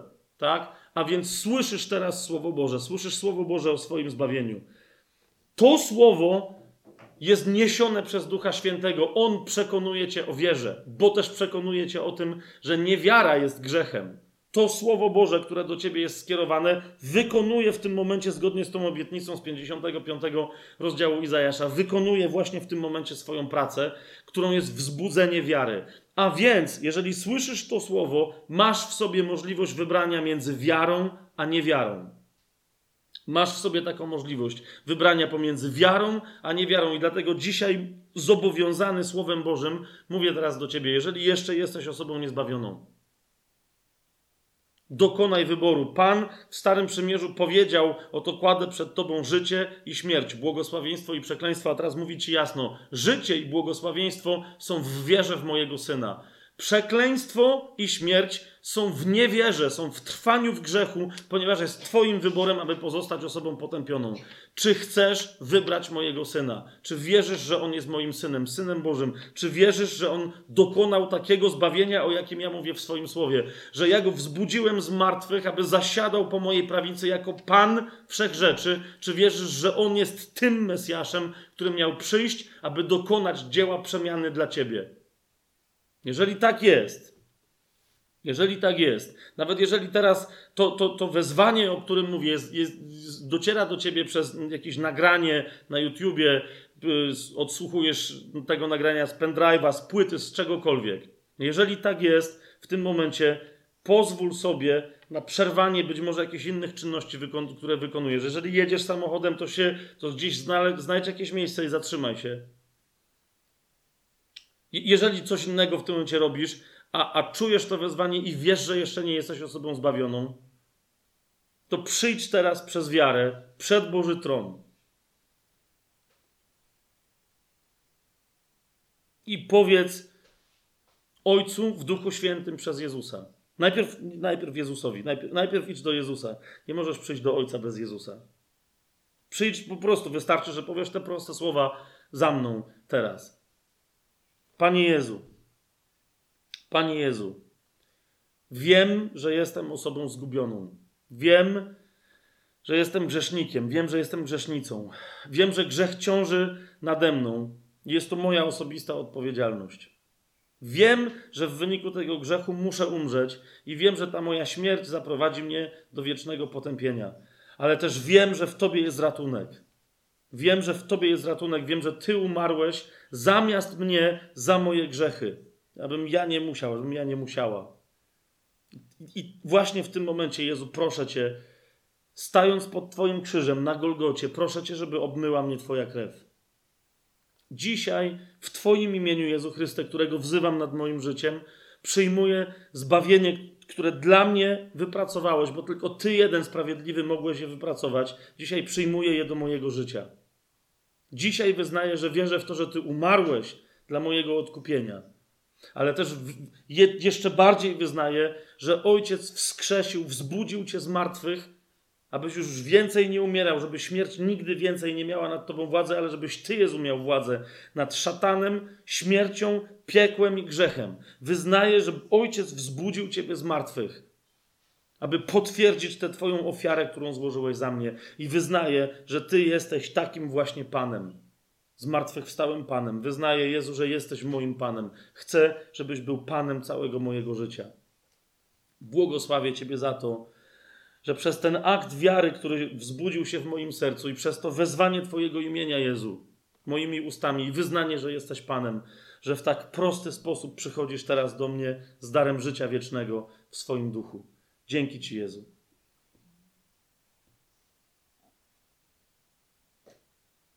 Dzięki Ci, Jezu. Dzięki Ci, Panie Jezu, mój Zbawicielu, Odkupicielu, który jesteś moim Panem moim Mesjaszem, nie mam innego, który jesteś królem królów i panem panów. Dzięki Ci, Panie Jezu.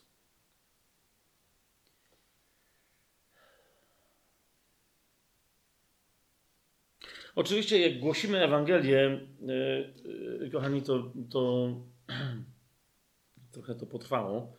Yy, to już jest drugie spotkanie na temat dobrej nowiny. Okej, okay, być może komuś jest potrzebne e, aż, aż, takie, aż tak potężne e, głoszenie. E, sami też rozumiecie, że wiele z tych tematów mają znacznie, znacznie też, są znacznie głębsze. Tak?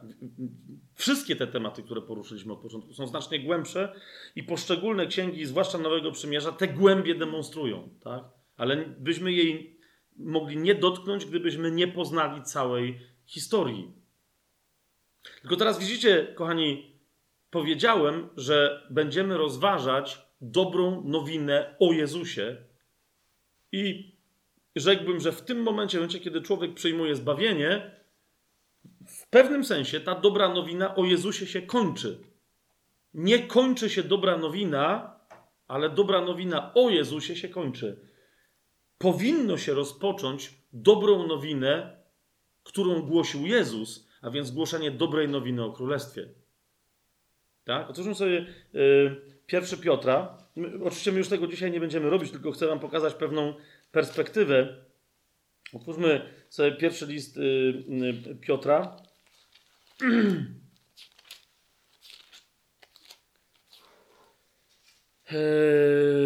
Trzeci, trzeci rozdział. I teraz y, y, od 18 do 22 od 18 do 22 wersetu w tym trzecim rozdziale przeczytajmy. Zauważcie. Podsumowanie, jakby zebranie tego wszystkiego w, w krótkim ujęciu do tych, którzy już znają całą dobrą nowinę, więc Piotr się nie musi roz, rozwijać, ale pisze w ten sposób: Chrystus raz za grzechy cierpiał sprawiedliwy za niesprawiedliwych, aby nas przyprowadzić do Boga, uśmiercony w ciele, lecz ożywiony duchem. Amen? Amen. W którym, mówi dalej, poszedł i głosił też duchom będącym w więzieniu. Chrystus w momencie śmierci swojej cielesnej stąpił do piekieł, jak niektórzy powiadają, stąpił do podziemi i głosił tam, ogłosił prawdę. Stanął przed szatanem, powiedział: Dziadu, wyskakuj z kluczy. Dlatego przedstawia się między innymi w innych miejscach, między innymi w Księdze Objawienia, jako ten, mówi, ja mam klucze piekła i śmierci. Tak? On jest właścicielem wszystkich kluczy od tej pory. A więc poszedł i głosił też duchom będącym w więzieniu. Niegdyś nieposłusznym, gdy za dni Noego raz oczekiwała Boża cierpliwość, kiedy budowano arkę, w której niewiele, to jest osiem dusz, zostało uratowanych przez wodę. I idzie dalej. Teraz chrzest, będąc tego odbiciem, zbawia nas. Nie jest usunięciem cielesnego brudu, ale odpowiedzią czystego sumienia wobec Boga przez zmartwychwstanie Jezusa Chrystusa. Amen? Amen. Teraz oczywiście y, y, łaską jesteśmy zbawieni przez co? Przez wiarę. Wyznawanie wiary ustami, a więc wyznawanie Jezusa Panem, to jest pierwszy, że tak powiem, dobry uczynek wynikający z wiary, tak? Następnym krokiem konsekwentnym jest chrzest, ale o chrzcie będziemy mówić kiedy indziej. I, I, tylko w tym sensie Piotr tutaj pisze, że chrzest nas zbawia. Nie w tym takim, wiecie, fundamentalnym sensie, bo to jest wiara, tak? Tyle tylko, że będąc zbawionymi od potępienia wiecznego, potem dostępujemy kolejnych, że tak powiem, etapów uwolnienia, zbawienia i odkupienia w naszym życiu, tak? O tym, że to jest proces postępujący, Słowo Boże mówi, ale to jeszcze raz nie będziemy teraz tego rozważać, tak? Tylko, że są następne kroki zbawienia wynikające z wiary w śmierci i zmartwychwstanie Jezusa. A więc przez zmartwychwstanie Jezusa i 22 werset, który poszedłszy do nieba jest po prawicy Boga, a zostali mu poddani aniołowie, zwierzchności i moce, tak? Koń Końcem dobrej nowiny o Jezusie jest ta świadomość, właśnie o której Duch Święty nam mówi, że jak przyjmujemy, że, że, że On zasiada po prawicy Ojca w niebie. Tak? Ale jednocześnie, czy to jest koniec historii cielesnego Chrystusa, tego Boga, który przyszedł w ciele, czy to jest koniec całej historii? Na, bo teraz rozumiecie, mi nawet nie chodzi o perspektywę królestwa e, duchowego, perspektywę wieczną, tylko chodzi mi o samo dzieło Chrystusa na ziemi. Otwórzmy sobie dzieje apostolskie. To będą ostatnie, e, ostatnie dwa cytaty, tak? Dzieje apostolskie, sam początek, kiedy to Jezus po raz ostatni się pojawia swoim uczniom, świadkom pierwszym swojego zmartwychwstania na ziemi tuż przed tym, jak właśnie wstępuje do nieba, żeby zasiąść po prawicy Ojca. Zobaczcie, Dzieje Apostolskie, pierwszy rozdział, od piątego wersetu. Tam Pan Jezus powiedział, Jan chrzcił wodą, ale wy po niewielu dniach, no od tego momentu, będziecie ochrzczeni Duchem Świętym. Ci zamiast usłyszeć, co do nich Pan Jezus mówi, zapytali go, Panie, czy w tym czasie przywrócisz królestwo Izraelowi? Nie będziemy o tym mówić w następnych odcinkach, ale pamiętajcie, przymierze wieczne, nowe przymierze, ostateczne przymierze, wieczne przymierze jest związane w Starym Przymierzu, w zapowiedziach Nowego Przymierza, jest związane z odrestaurowaniem Królestwa Izraelowi.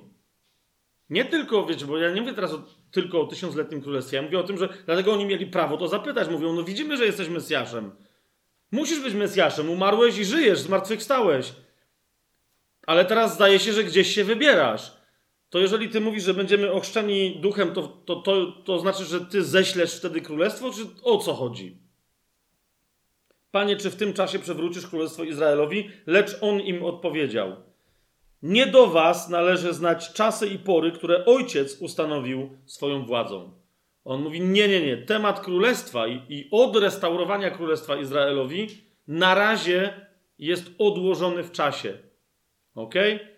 Wy musicie przygotować to, co jest również tajemnicą królestwa. Czego nie rozumiecie, królestwo jest nie tylko dla Izraela. Ale, zobaczcie ósmy werset. Ale przyjmiecie, na razie to jest temat, przyjmiecie moc Ducha Świętego, który zstąpi na was i będziecie mi świadkami w Jerozolimie, w całej Judei, w Samarii i aż po krańce ziemi. Kiedy to powiedział, a oni patrzyli, został uniesiony w górę i obłok zabrał go sprzed ich oczu. A gdy się wpatrywali w niebo, jak wstępował, oto stanęli przy nich dwaj mężowie w białych szatach i powiedzieli: Mężowie z Galilei, dlaczego stoicie wpatrując się w niebo?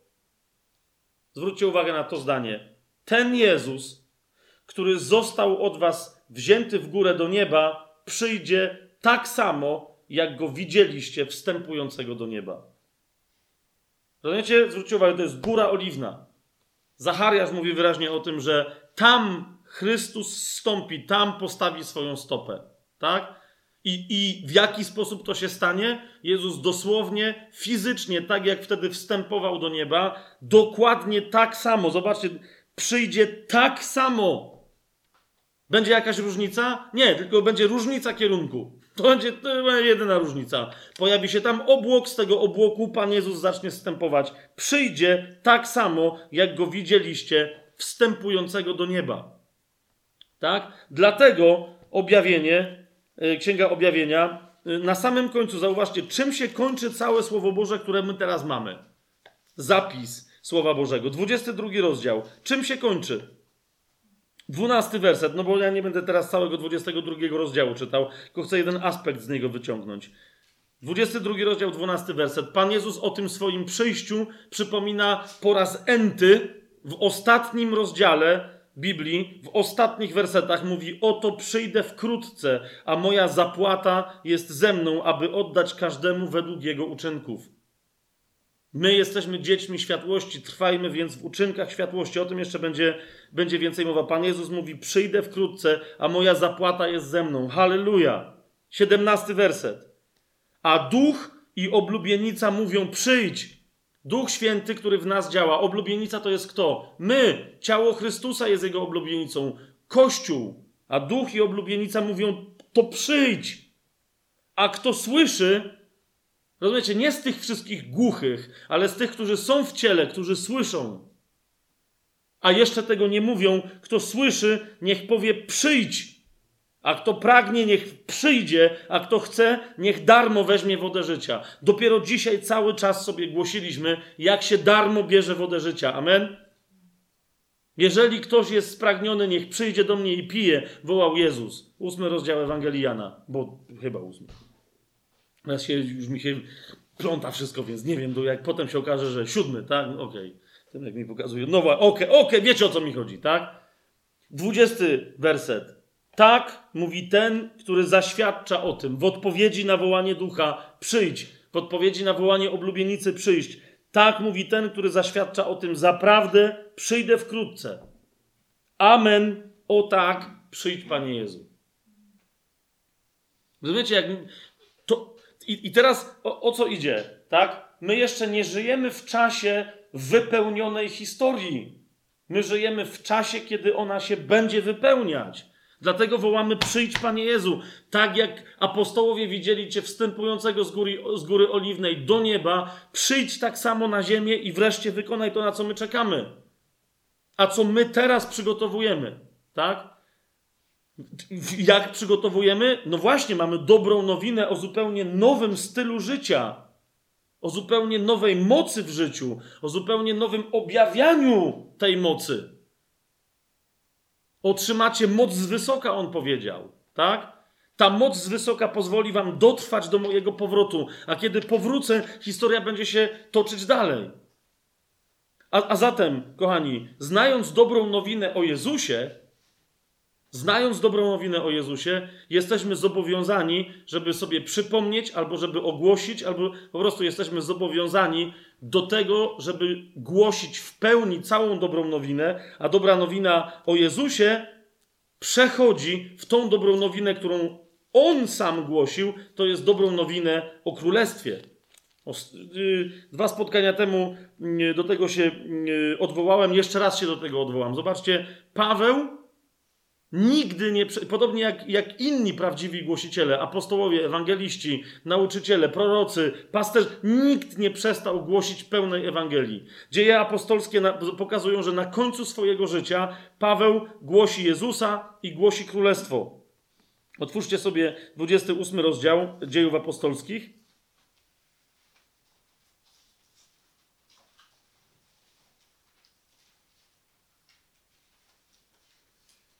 Przychodzą tam Żydzi, to jest, to jest ostatnia z takich jakichś scen opisanych, yy, które cokolwiek tam opowiadają o życiu Pawła. Przychodzą Żydzi do niego, jak już jest w Rzymie i ma tam być sądzony i yy, jest uwięziony, mówiąc, że, że chcą yy, usłyszeć, co, co on to głosi. Tak? I tam wyznaczyli sobie dzień i przyszli, to jest 23 yy, werset 28 rozdziału, zobaczcie, co tam jest napisane. Wyznaczyli mu dzień i przyszło wielu do niego, do kwatery, a on od rana do wieczora, przy, nawiasem mówiąc, wiecie, jak my mamy jedno spotkanie teraz półtorej godziny, albo czasem się przeciągnęło do trzech, to obczajcie, co tam się dzieje, tak?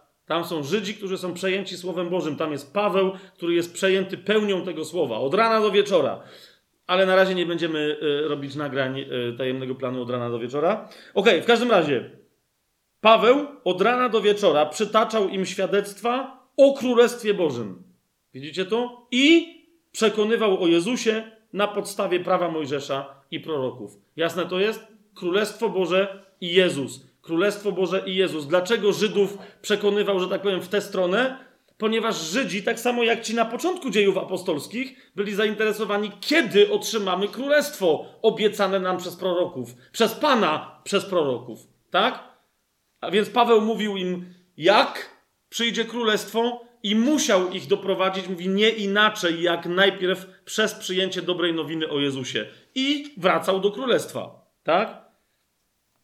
Zobaczcie 31 werset, 30 i 31, bo potem ci Żydzi poszli i tam się kłócili, nie wiedzieli co z tym zrobić, ale ostatnie dwa wersety dziejów apostolskich mówią o Pawle w następujący sposób. Przez całe dwa lata Paweł mieszkał w wynajętym mieszkaniu, bo to był, wiecie, rodzaj aresztu domowego. Paweł wielokrotnie, będąc w kajdanach, wieziony do Rzymu, pamiętacie, udowodnił, że on nie chce uciekać, tylko że chce, żeby jego sprawa była podjęta w Rzymie przed Cezarem. Tak? Więzienie się zawaliło, pamiętacie, tam wszyscy uciekli, a on został. Tak? Więc wielokrotnie jakieś statki się rozwalały, mógł uciec, u, u, ucieknąć, on został. Tak? Więc po prostu dostał możliwość w Rzymie wynajmowania jakiejś prywatnej kwatery i oczekiwania, aż będzie jego sprawa rozsądzona. Więc przez całe dwa lata Paweł mieszkał w wynajętym mieszkaniu i przyjmował wszystkich, którzy do niego przychodzili. Głosząc jeszcze raz, co? Królestwo Boże i nauczając tego, co dotyczy Pana Jezusa Chrystusa ze wszelką odwagą i bez przeszkód. Jest ostatnie słowo dziejów apostolskich. My jesteśmy następnym rozdziałem dziejów apostolskich.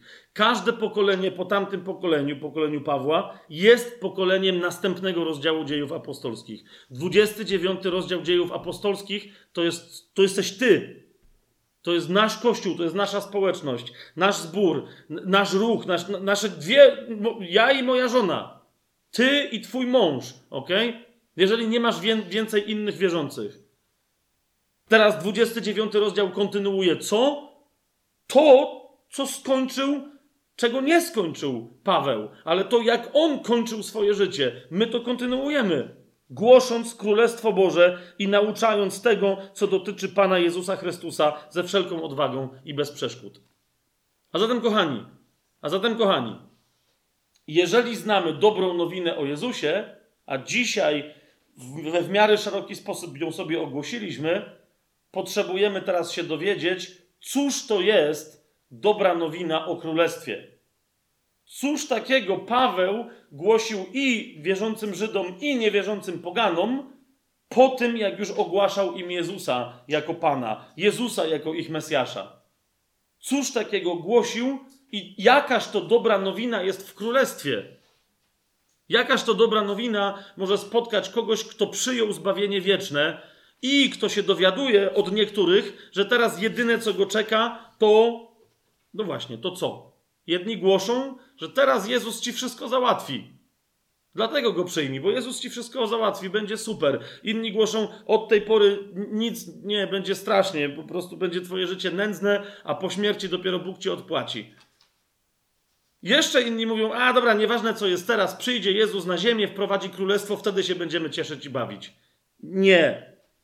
Dobra nowina o królestwie jest dobrą nowiną dla ciebie w sekundę po twoim zbawieniu, ponieważ w tym momencie wraz z nowym życiem otrzymujesz obywatelstwo królestwa. W tym momencie reprezentujesz swojego Pana, ty go reprezentujesz, jego władzę i jego moc masz objawiać w jego imieniu. On powiedział: Ja mam wszelką władzę na niebie i na ziemi. Amen. Tak powiedział? Ja mam, dana, dana mi jest wszelka władza na niebie i na ziemi. A z drugiej strony powiedział: Ja jestem z wami przez wszystkie dni, aż do skończenia tej epoki, aż do skończenia tego świata.